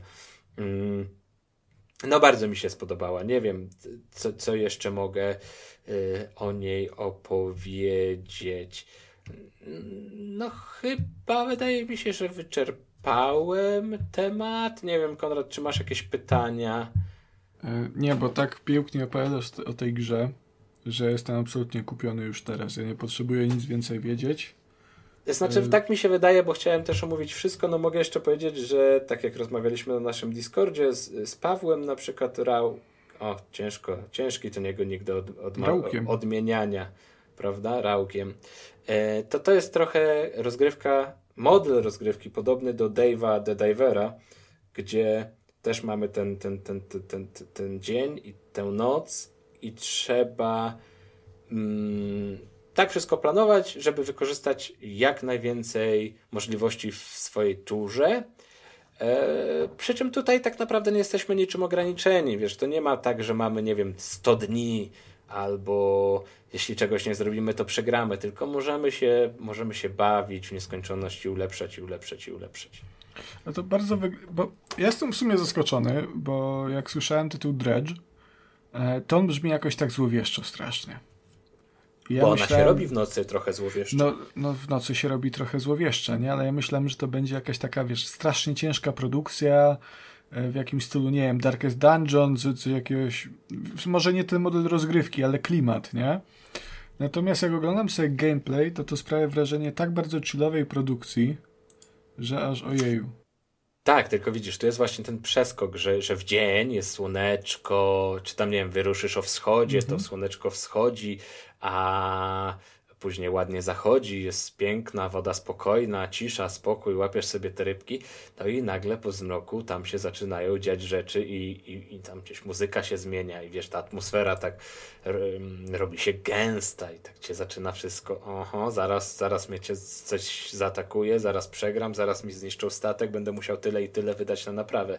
Więc e, ta gra ma takie swoje dwa oblicza. Jedno jest właśnie przyjemne, lightowe i relaksujące, a drugie to jest taki leciutki, poleciutki, ale gdzieś tam jakieś znamiona horroru ma. Ale to bardzo dobrze w takim razie, bo to roz, rozbija trochę, nie? Tę e, monotonię, jak, jakby nie było łowienia rybek. No ale to łowienie rybek też samo w sobie jest ciekawe, bo... Wiesz, ja nie mówię, że nie, ale jakbyś, jakby ta gra była tylko o łowieniu rybek, to wydaje mi się, że bardzo szybko by spowszedniała, przynajmniej mnie. A tutaj jednak jak w nocy się dzieją dziwne rzeczy i coś jest mm, bardziej takiego groźnego, no to mm, fajnie to wpływa na pacing, nie? Czyli masz te momenty większej adrenaliny, takiego grania w skupieniu i, i potem sobie możesz odpocząć i, i wychillować. No, i jeszcze chciałem o tych rybkach wspomnieć, bo właśnie to łowienie rybek nie jest takie po prostu sobie łowienie rybek, tylko każda, no nie każda, ale jest kilka wariantów minigierek, y, które są mm, no, odpowiadają łowieniu tych rybek, czyli na przykład, nie wiem, możemy po prostu czekać, aż tam ona się złapie, albo możemy y, kliknąć w określonym momencie, żeby ona się złapała szybciej, co pozwala nam zaoszczędzić czas, ale jeśli nie trafimy, no to się ten czas potrzebny na jej złapanie wydłuży. No i w zależności od rybki ten, ta mechanika tego klikania będzie inna. Mm, więc tutaj też jest taka, taka dodatkowa ciekawostka, że w jakiś sposób jeszcze dodatkowo nas ta gra angażuje podczas łapania tego rybek tych rybek, że to nie jest po prostu szukanie ławicy, szukanie miejsca, szukanie określonego gatunku, bo oczywiście tam też mamy całe encyklopedię, jakie tam są ryby, a są ryby zwykłe i też są ryby takie już e, zmutowane, bo tam się, prawda, dzieją złe rzeczy na tych wodach, mm, więc, więc, więc mamy w tej encyklopedii to wszystko Ale to są prawdziwe ryby, czy wymyślone jakieś? E, wiesz co, wydaje mi się, że prawdziwe. E, kurczę, nie dam sobie, nie dam sobie głowy obciąć. Albo bo... szczupak. Szczupaka na pewno nie ma, ale chyba tuńczyki są. Yy, jakieś tam ośmiornice są. Dorsz pamiętam, że był. Więc, więc wydaje mi się, że to są prawdziwe gatunki ryb. Oczywiście oprócz tych, tych zmutowanych. No i też wiesz, no to tam cała rzecz, cała masa takich szczegółów dochodzi, że są y, różne rodzaje wód, więc na przykład jak tutaj płyniemy, to musimy mieć taką wędkę albo taką sieć, bo y, inaczej nie złapiemy tej rybki, a ten nasz kuter ma też określone miejsca, na przykład ile wędek może pomieścić, albo ile światełek może pomieścić, albo ile siatek i tak dalej. No tym wszystkim trzeba zarządzać i ciągle gdzieś tam coś majstrować. No ale tak jak wspominałem, to nie jest gra, która w jakiś sposób nas pogania. Też nam nic nie pokazuje bardzo dosadnie palcem, ale sobie po prostu odkrywamy, eksplorujemy we własnym tempie i y, jeżeli ci wyjdzie, to skończysz ją szybciej, jeśli nie, to będziesz się męczył dłużej, ale każdy dzień to jest raczej jakaś tam aktywność, która popycha cię do przodu ku skończeniu. Także to też jest jak najbardziej spoko. No i ja podobnie jak ponad te 17 tysięcy, no nie wiem, bo to odliczyć procenty, które dały, zostawiły negatywną recenzję, tak samo jak ponad 16 tysięcy użytkowników Steama polecam Dredge bardzo, bardzo mocno. Dobrze, no mi to bardzo poleciłeś i, i jak to kompletnie miałem gdzieś ten tytuł, to teraz jestem mocno zaintrygowany i sobie dopiszę to z pewnością do e, listy, a kiedy w to zagram, no to no to już nie wiadomo. No na razie, na razie grałem gram w, Lords of the Fallen dalej e, i o tym nowym Lords of the Fallen to chciałbym jeszcze powiedzieć, że w sumie nie, nie mogę za wiele powiedzieć nie dlatego, że nie grałem w to, tylko dlatego, że względem ostatniego odcinka, w którym żeśmy sobie tutaj z Kacprem e, dłuższą dyskusję ucięli, E, no to moje odczucia nie zmieniły się jakoś, jakoś zbytnio. To jest jak dla mnie dalej um, bardzo mocna zżynka z Dark Souls. E, bardzo dobra zżynka e, z, z przepięknym światem, e, fajnymi walkami z bossami. Tam na, na streamie na przykład można było widać, można było zobaczyć e, moje nieudane wówczas zmagania z panem rycerzem na koniku. E, bardzo Ale ty tam źle robiłeś. Ja źle robiłem, bo ja zamawiałem czat. Bo ja ci mówiłem unikaj i atakuj później jak unikasz, Ale ja chciałem, ja chciałem go jak w Undertale'u przedyskutować, prawda, nie? A nie dawał jak się. Jak boss atakuje, no to musisz unikać. Nie, nie można. No, to jest, to, jak chcesz mieć alternatywne zakończenie, to trzeba przegadać, Kuba. E, natomiast po, potem go pokonałem, przyszedł mi pan z pomocą i żeśmy go rozdupcyli we dwóch. E, zresztą Lords of the Fallen pod względem kooperacji jest dosyć ciekawe, bo to jest wymagająca gra i to jest, to jest trudna gra jak najbardziej, natomiast e, tutaj w przeciwieństwie do na przykład takich Soulsów e, wezwanie kompana do pomocy nie kosztuje absolutnie nic więc zawsze można go sobie wezwać i on przyjdzie i pomoże rozdupcyć bossa, nie? Także to można określić takim mianem easy moda, o którym też wspominałem ostatnio. Mm, I łatwiej najłatwiej żerować jest po prostu na czyjeś Oczywiście, oczywiście. Tak? Ja wchodzę na arenę, ja tam już chłop pół paska życia bossowi odebrał jest gitara i jak speed tak leci, tak jest wygranko. lecą, tak? Ta, trochę, trochę tak jest.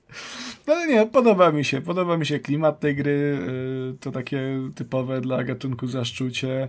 E, ładny jest ten świat bardzo, e, mimo że tam, to głównie mówię, krajobrazy, ale to już to się nie będę wdawał. E, design bossów jest bardzo fajny, ubranek, mieczy, to wszystko mi się bardzo podoba. Na streamie znalazłem też Kowala, co fajne. Fabularnie no to dalej to jest gra o pójściu gdzieś i zrobieniu czegoś, ale po co i dlaczego to, no to nie, nie jest to jakaś, jakaś najbardziej fascynująca historia. E, podobno, bo tak jeszcze zaznaczę dalej, to nie skończyłem, bo to jest wybitnie trudna gra, nie jestem zbyt dobrym graczem w, te, w tego typu produkcje. E, podobno zakończenie w ogóle odmienia e, wszystko i się okazuje, że jest wspaniała fabuła, natomiast raz, nie wiem tego, dwa, nawet jeżeli tak jest, to uważam, że jeżeli gra przez większość czasu e, nie opowiada praktycznie żadnej historii, żeby potem mieć zajebiste zakończenie i albo sama fabuła jest przez większość czasu miałka, a zakończenie jest mega super, no to dalej to nie jest dobra historia, no błagam. E, no, ale, ale to można już tam gdzieś tam zepchnąć i po prostu cieszyć się na, na, na, plan, na drugi plan i po prostu cieszyć się tą rozgrywką. Um, tylko trzeba zagryźć zęby na problemy techniczne, bo ta gra lubi konkretnie klatkować i e, no to z bólem serca przyznaję. Ostatnio była aktualizacja w ogóle i to mi się mega podobało, bo wyszła aktualizacja i gra zaczęła mi działać gorzej w, e, w tych samych lokacjach e, i przeciwnicy w ogóle dostali nagle, raz, że oni byli animowani z jakiegoś powodu nagle w, nie w 15 klatkach, to jeszcze towarzyszył im efekt takiego dziwnego rozmycia także to było bardzo, bardzo ciekawe.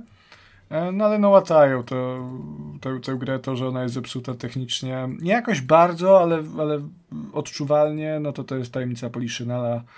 E, warto myślę odczekać troszkę, aż to połatają, tak żeby to już było takie stabilne 60 klatek, no bo jednak w tego typu produkcji to jest e, bardzo, bardzo ważne, ale ode mnie plusik, na pewno sobie gdzieś tam to będę e, w ciągu kolejnych dni, tygodni, miesięcy, lat, dziesięcioleci, wieków, to już może nie będę sobie to kończył e, i tam się do tego, e, do tego końca na skrzydłach innych graczy pewnie doczłapię. Ale to e, trzeba na spokojnie usiąść, trzeba usiąść, zapalić, zapalić tak, to pomyśleć, wezwać se Herolda Latarni. Jak najbardziej, jak najbardziej. Slow gaming, moi kochani. E, natomiast e, ostatnią grą, które, którą dzisiaj poruszymy e, na tym odcinku, to jest tutaj na specjalną prośbę Karola Improbajta. Jest to The Settlers Narodziny Imperium, czyli szósta część serii The Settlers, bo jako, że w Settlersy nigdy nie grałem, przynajmniej nie jakoś długo, bo tam gdzieś tam jedynkę chyba troszkę spróbowałem, ale stare było, ja byłem młody, no to mi się nie podobało, to stwierdziłem, że zacznę od jednej z najlepszych części, ale że New Allies jest jeszcze dosyć drogie. A narodziny y, Imperium, no to miałem gdzieś w swojej kolekcji y, ze składanki Ubisoft Exclusive, czy, czy jak to tam się nazywało, e, no to tutaj jako, że ta gra no, na Metacritic potężne 66 na 100, no to stwierdziłem, że jak najbardziej e, spróbuję. E, Ale cóż, właśnie no... chciałbym tutaj jeszcze Cię pochwalić za to, że jak nagrywaliśmy ostatni epizod Trójkastu Retro i był z nami Hader i rozmawialiśmy o Settlersach, popowiadaliśmy o e, Settlers 2 dziesięciolecie, to chyba Ty się zapytałeś, która część Settlersów była dobra, os, która ostatnia część Settlersów była dobra i my Ci jednogłośnie odpowiedzieliśmy, że trójka. E, przy czym sięgnąłeś po szóstkę. Tak. Wygrałeś szóstkę? Nie, nie, nie. To już, nie? To już mnie omijały te czasy. Ja, ja sobie zagrałem. Ja lubię tego typu produkcje, właśnie takie city buildery. Takie nie za dobre. No, natomiast ja też nie jestem jakoś bardzo wymagający tutaj i, i jak miasteczko powstaje i sobie chodzą ludziki, e, to mi się podoba, bo strateg za, za mnie żaden, więc ja lubię takie e, lightowe lightowe no, strategie. A... w Settlersach nie ma strategowania za bardzo. No to są no, takie, to są takie to, city buildery. No. To widzisz. No to, ale no nie, no, no to city builder to jest, to jest gałąź strategii, nie? No bo to jest możesz mieć strategię tam, nie wiem, wojenną, a możesz mieć strategię ekonomiczną, prawda? No to jest jakby nie było, no strategia ekonomiczna. Gra ekonomiczna, jak zwał, tak zwał. Um, no i tak jak, jak właśnie w tym trójkaście retro, do, do, tego też chciałem nawiązać, mówiłeś, że tam sobie grałeś tą dwójeczkę i tam w, trzeciej mis w trzeciej misji miałeś jakieś tam problemy już i, i se przegrałeś i tak no sobie myślałeś, że o, no tutaj gdzieś tam y, te moje drogi, poprowadzenie, ta, ta moja cała y, tu mi brakuje teraz słowa, infrastruktura połączeń nie była nie taka jak trzeba, no to widzisz, to może trzeba szóstkę spróbować, bo to jest jedna z tych gier, w której, w której ty się nie musisz absolutnie e, martwić, to jest bardzo prosta produkcja i... Bo tam chyba już nie ma nawet tego budowania dróg, prawda? Zrezygnowali jest, z tego. Jest budowanie jest? dróg, jest, ale ono ma marginalne znaczenie, mam wrażenie. Przyspiesza to, jak się ruszają, ale to nie jest jakoś tak, tak bardzo, bardzo duże przyspieszenie. E, natomiast no to jest jakby wykonać na, na, na narodzinach Imperium test Smolaka, czyli y, zostawić grę na, na 3 godziny i wrócić, zobaczyć co się stało, to to miasto by, wydaje mi się, żeby się elegancko stało i wszystko byłoby dobrze. E, bo to jest, to jest bardzo prosta produkcja, przynajmniej jeżeli o kampanię chodzi, ja jej przeszedłem no dobrą ponad połowę. E, I chyba tylko jedno, jedna misja była taka, z którą miałem jakieś problemy, a to głównie z tego względu, że tam był element czasowy. No, cała reszta tych misji kampanii, no to to jest w zasadzie dokładnie to samo. Zaczynamy od zera, budujemy sobie miasteczko, robimy tę infrastrukturę, żeby drzewa, żeby coś tam. E, podbijamy kolejne terytoria na mapie, jeżeli możemy, żeby rozszerzyć swoje wpływy, mieć dodatkowe surowce. Od czasu do czasu może się zdarzyć, że gdzieś tam jest jakiś przeciwnik i on przyjdzie, żeby nas bić, ale w większości przypadków ten przeciwnik jest, ale ma na nas totalnie wywalone. E, także jakieś tam budowanie swojej armii, no to jeżeli jest potrzebne dla zadania, no to trzeba zrobić, ale no dopiero wtedy tak naprawdę można się tym zająć, nie trzeba tego planować jakoś dużo, dużo wcześniej. Otaczanie miasta palisadami w większości misji też można, czy, czy też murami kamiennymi, nie daj Boże, też można sobie odpuścić. E, dobrze to zrobić, natomiast no, prawdopodobnie to się kompletnie nie, nie przyda. E, to jest taki prosty, bardzo łatwy. I to był chyba taki jeden z. Mm, jedna z największych wad tej gry, która, na którą zwracano uwagę w recenzjach, że ona jest y, turbo łatwa. E, I tutaj też mogę się zgodzić, bo to się w pewnym, w pewnym momencie robi troszkę nużące e, i bardzo powtarzalne, no bo cały czas od początku tartak, e, chata, łowcy, żeby lelenie zabijał, skóry, rzeźnik, żeby kiełbaski robił i, i cały czas to samo. awansujemy tego naszego Herosa, który tam jest, no bo nie wiem jak było w poprzednich, chyba nie wiem czy tutaj to wprowadzono, czy w któryś z późniejszych, ale, ale każ na każdą misję zabieramy swojego generała, e, jednego z generałów e, z naszej armii, którzy nam towarzyszą w trakcie tej kampanii. Tam jest jakaś fabuła, no ale to jest fabuła, że trzeba imperium zbudować, nie? Od zera. Więc to nie jest jakoś zbyt interesujące. I co mapę nowe imperium od zera, prawda? To, no, tak, tak, tak. Jak to się chce wgłębić fabularnie, to to jest podobno e, sequel Dziedzictwo Królów, e, dziejące się tam ileś tam set lat po piątce, w którym no, imperium się rozpadło i teraz my musimy je odbudować. No, jest zajebista fabuła.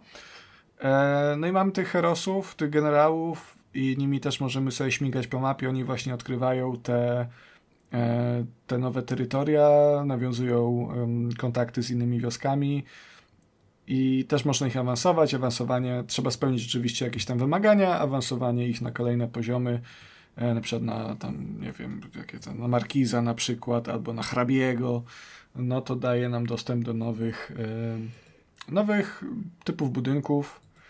Mm, także no to trzeba robić i w zasadzie każda rozgrywka przebiega tak samo. Nie zagłębiałem się jeszcze w tę grę swobodną. Myślę, że tam może być troszkę bardziej intrygująco. Ale no nie wiem, czy mi się będzie chciało to już robić tak naprawdę. E, po dodatek myślę, że sięgnę. On się nazywa e, Wschodnie.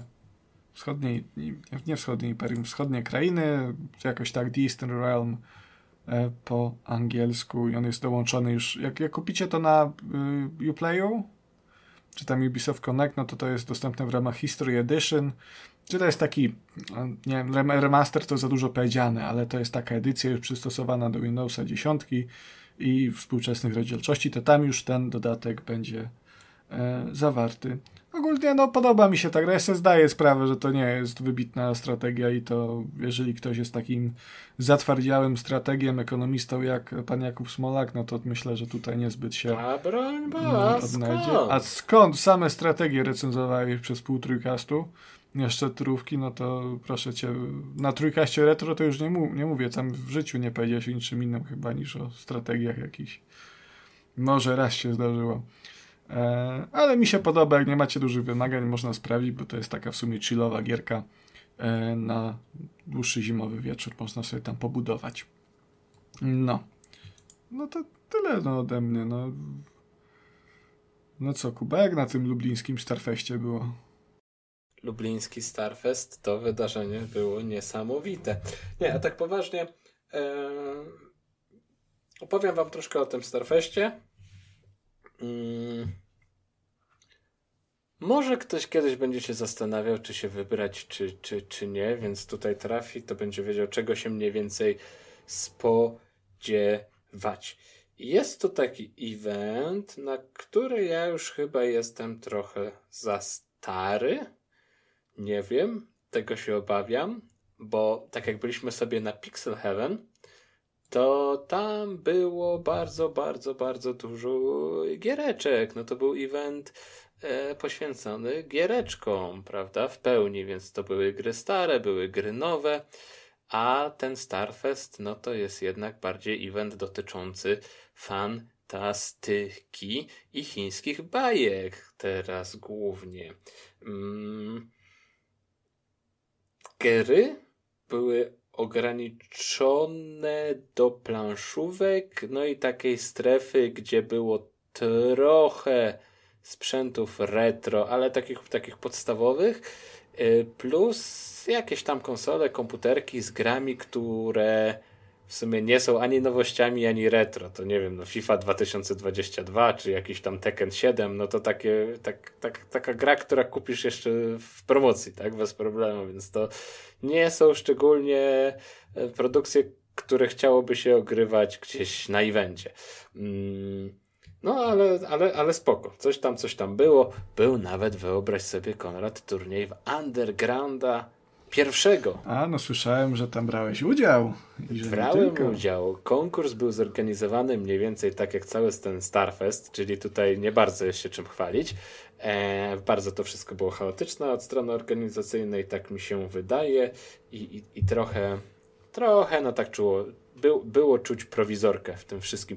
Tak jak nam się po Pixel Heaven mieliśmy takie wrażenie, że nie wszystko organizacyjnie poszło zgodnie z planem, no to wydaje mi się, że tutaj było, było jeszcze gorzej, a, a trochę w ryzach to trzymała po prostu zarząd tej samej e, hali Targi Lublin, żeby tam to wszystko się jakkolwiek trzymało kupy. No ale ten turniej Undergrounda był taki, że po prostu e, nie wiem ilu tam było mm, uczestników, no ale nie było to w żaden sposób, to było w rozpisce, było w agendzie, ale to nie było na miejscu jakoś oznaczone, po prostu e, widziałeś, że tam jest odpalony na dwóch komputerach Underground, to musiałeś podejść i się zapytać, przepraszam bardzo, czy to może turniej w Undergrounda? Tak, proszę zagrać. E, I chyba on cały trwał tam, nie wiem, pół godziny, 40 minut. To jak on nie no, był ale... tak reklamowany zbytnio, to można powiedzieć, że to był taki, był taki no, undergroundowy proszę, proszę. turniej, nie?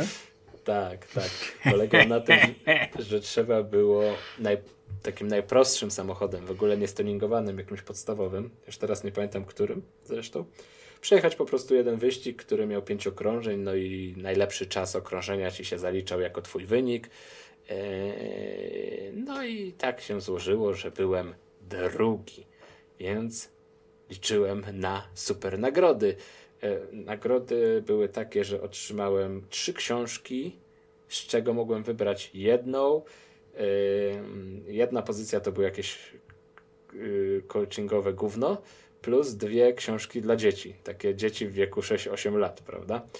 To chyba był taki target tego, tego turnieju, tak mi się wydaje. Mm, no, ale przynajmniej z książki Czyli dla zostajesz, dzieci, zostajesz coachem teraz. nie, no mam zasady, prawda? Gardzę, gardzę coachowaniem. Eee, książkę dla dzieci wziąłem, to zawsze na prezent można wykorzystać. Od razu mm, powędrował do, do chrześnicy mojej. Także się cieszyła, przynajmniej taki był z tego pożytek. E, no i same targi to tak bardziej nastawione po prostu na to, żeby tam rzeczy kupować, prawda? Nabywać drogą kupna, czyli mnóstwo, mnóstwo gdzieś wystawców sprzedających rękodzieło i e, rysunki, malunki, kolczyki ręcznie robione, figurki, wszystkie te super licencjonowane kubki i podkładki pod myszę, prawda, z których kradnie się grafiki i loga firmy, wykorzystuje bez skrupułów, więc to tak po prostu cała hala wypełniona była takimi, takimi aktywnościami mm, z cyklu wydaj pan tutaj pieniądze. E, więc, więc, więc trzeba było e, płacić za wszystko. Mm, no mało trochę mi brakowało takich aktywności, żeby po prostu sobie, wiesz, coś, coś obejrzeć. No były wykłady, ale to też trzeba by się do tych wykładów odpowiednio przygotować pod względem takim, żeby zaplanować sobie y, cały dzień gdzieś na to. Więc mm, jak się wpadło tak na spontanie w środku soboty, no to ciężko było tutaj zwiedzać te, te dwie hale, gdzieś tam zagrać w planszówkę, gdzieś tam coś kupić, gdzieś coś zobaczyć i jeszcze zdążyć na ten konkretny wykład. Tam udało mi się zaprosić, udało się zaprosić kilku, kilku pisarzy, mm, gdzieś fantastyki, więc, więc na pewno jeżeli ktoś wiem, jara się konkretnym autorem, to pójście na jego wykład było, było wow. Eee, no my wpadliśmy tutaj, bo nie byłem sam, byłem też z Bartkiem, który mi dzielnie towarzyszył w tych zmaganiach. Poszliśmy sobie na jeden wykład dotyczących, dotyczący studia yy, i jajo. historii studia Jajo, tak.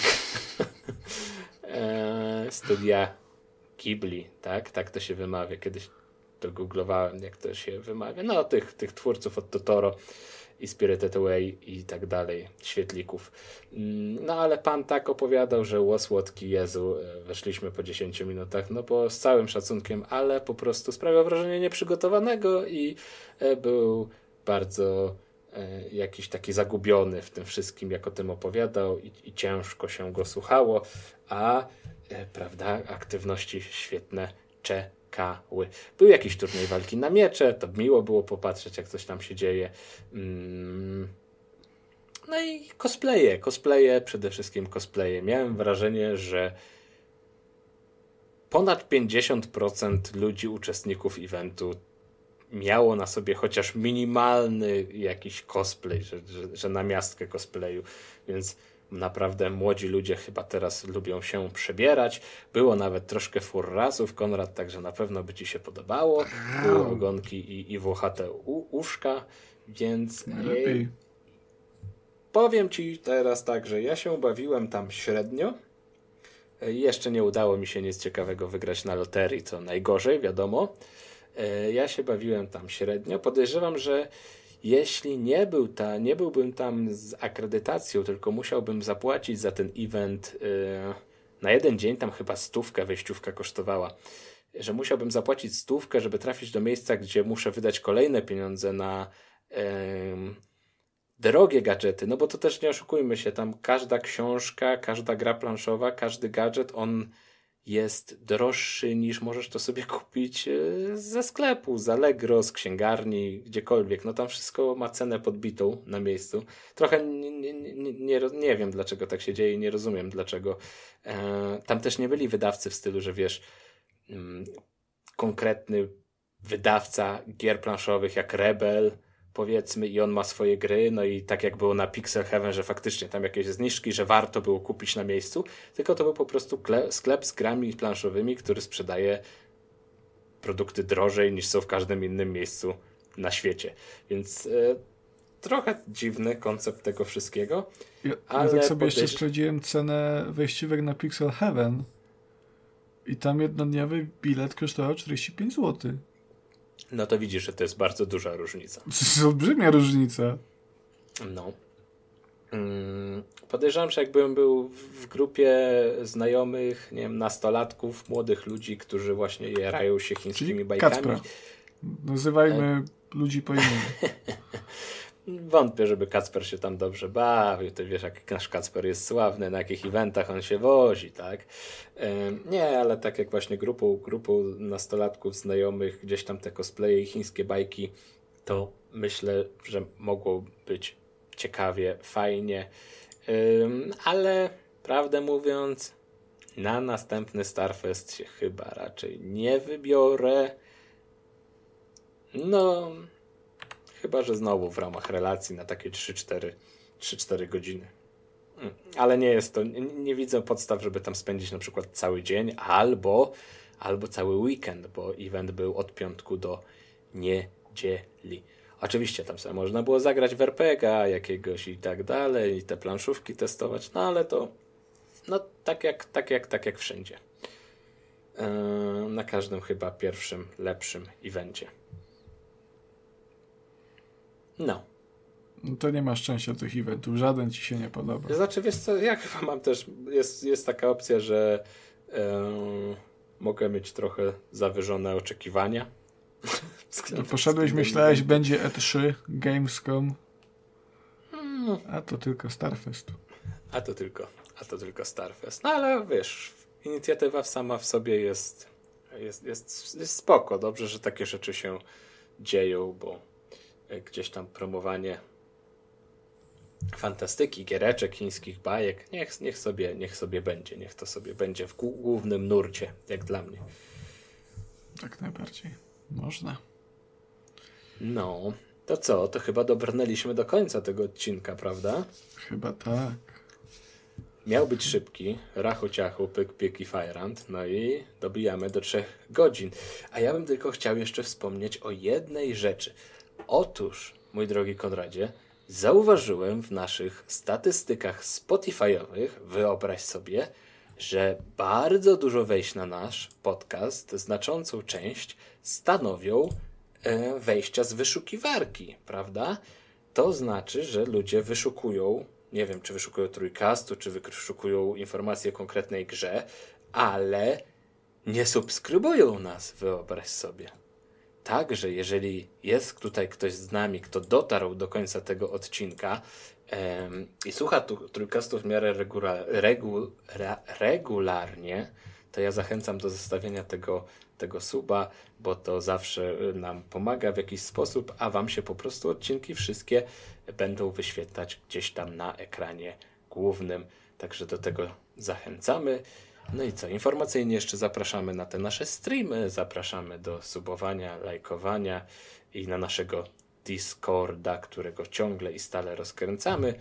Jest tam bardzo przyjemnie. Atmosfera jest taka, powiedziałbym, już rodzinna, prawda? Tak, jest. Więc, tak. więc można, jest. można wpadać. Eee, wszystkie linki znajdziecie w opisie. No i na dzisiaj chyba tyle. Byli z wami moja skromna osoba Kuba Smolak, no i pan redaktor sławny, prawda, na całą Polskę i nie tylko, można powiedzieć, że, że świat, a może nawet i Amerykę. Konrad Noga. No gdzie tam Kuba? No co ty, gdzie tam jest słowny? No, Nie, no mówię ci, mówię ci. no dziękuję za uwagę. No. Cześć, do następnego. Pa, pa. To był 54. odcinek Trójkastu. Dziękujemy również Kacprowi, który mógł być z nami tak długo, jak był i zawsze miło jest go usłyszeć. Dzięki, do usłyszenia. Pa, pa. A wy? Co sądzicie o grach i tematach poruszanych w odcinku? Koniecznie dajcie nam znać w komentarzach, na Twitterze lub poprzez adres e-mail. Wszystkie linki znajdziecie w opisie. Pozdrawiamy. あらあら、さようなら。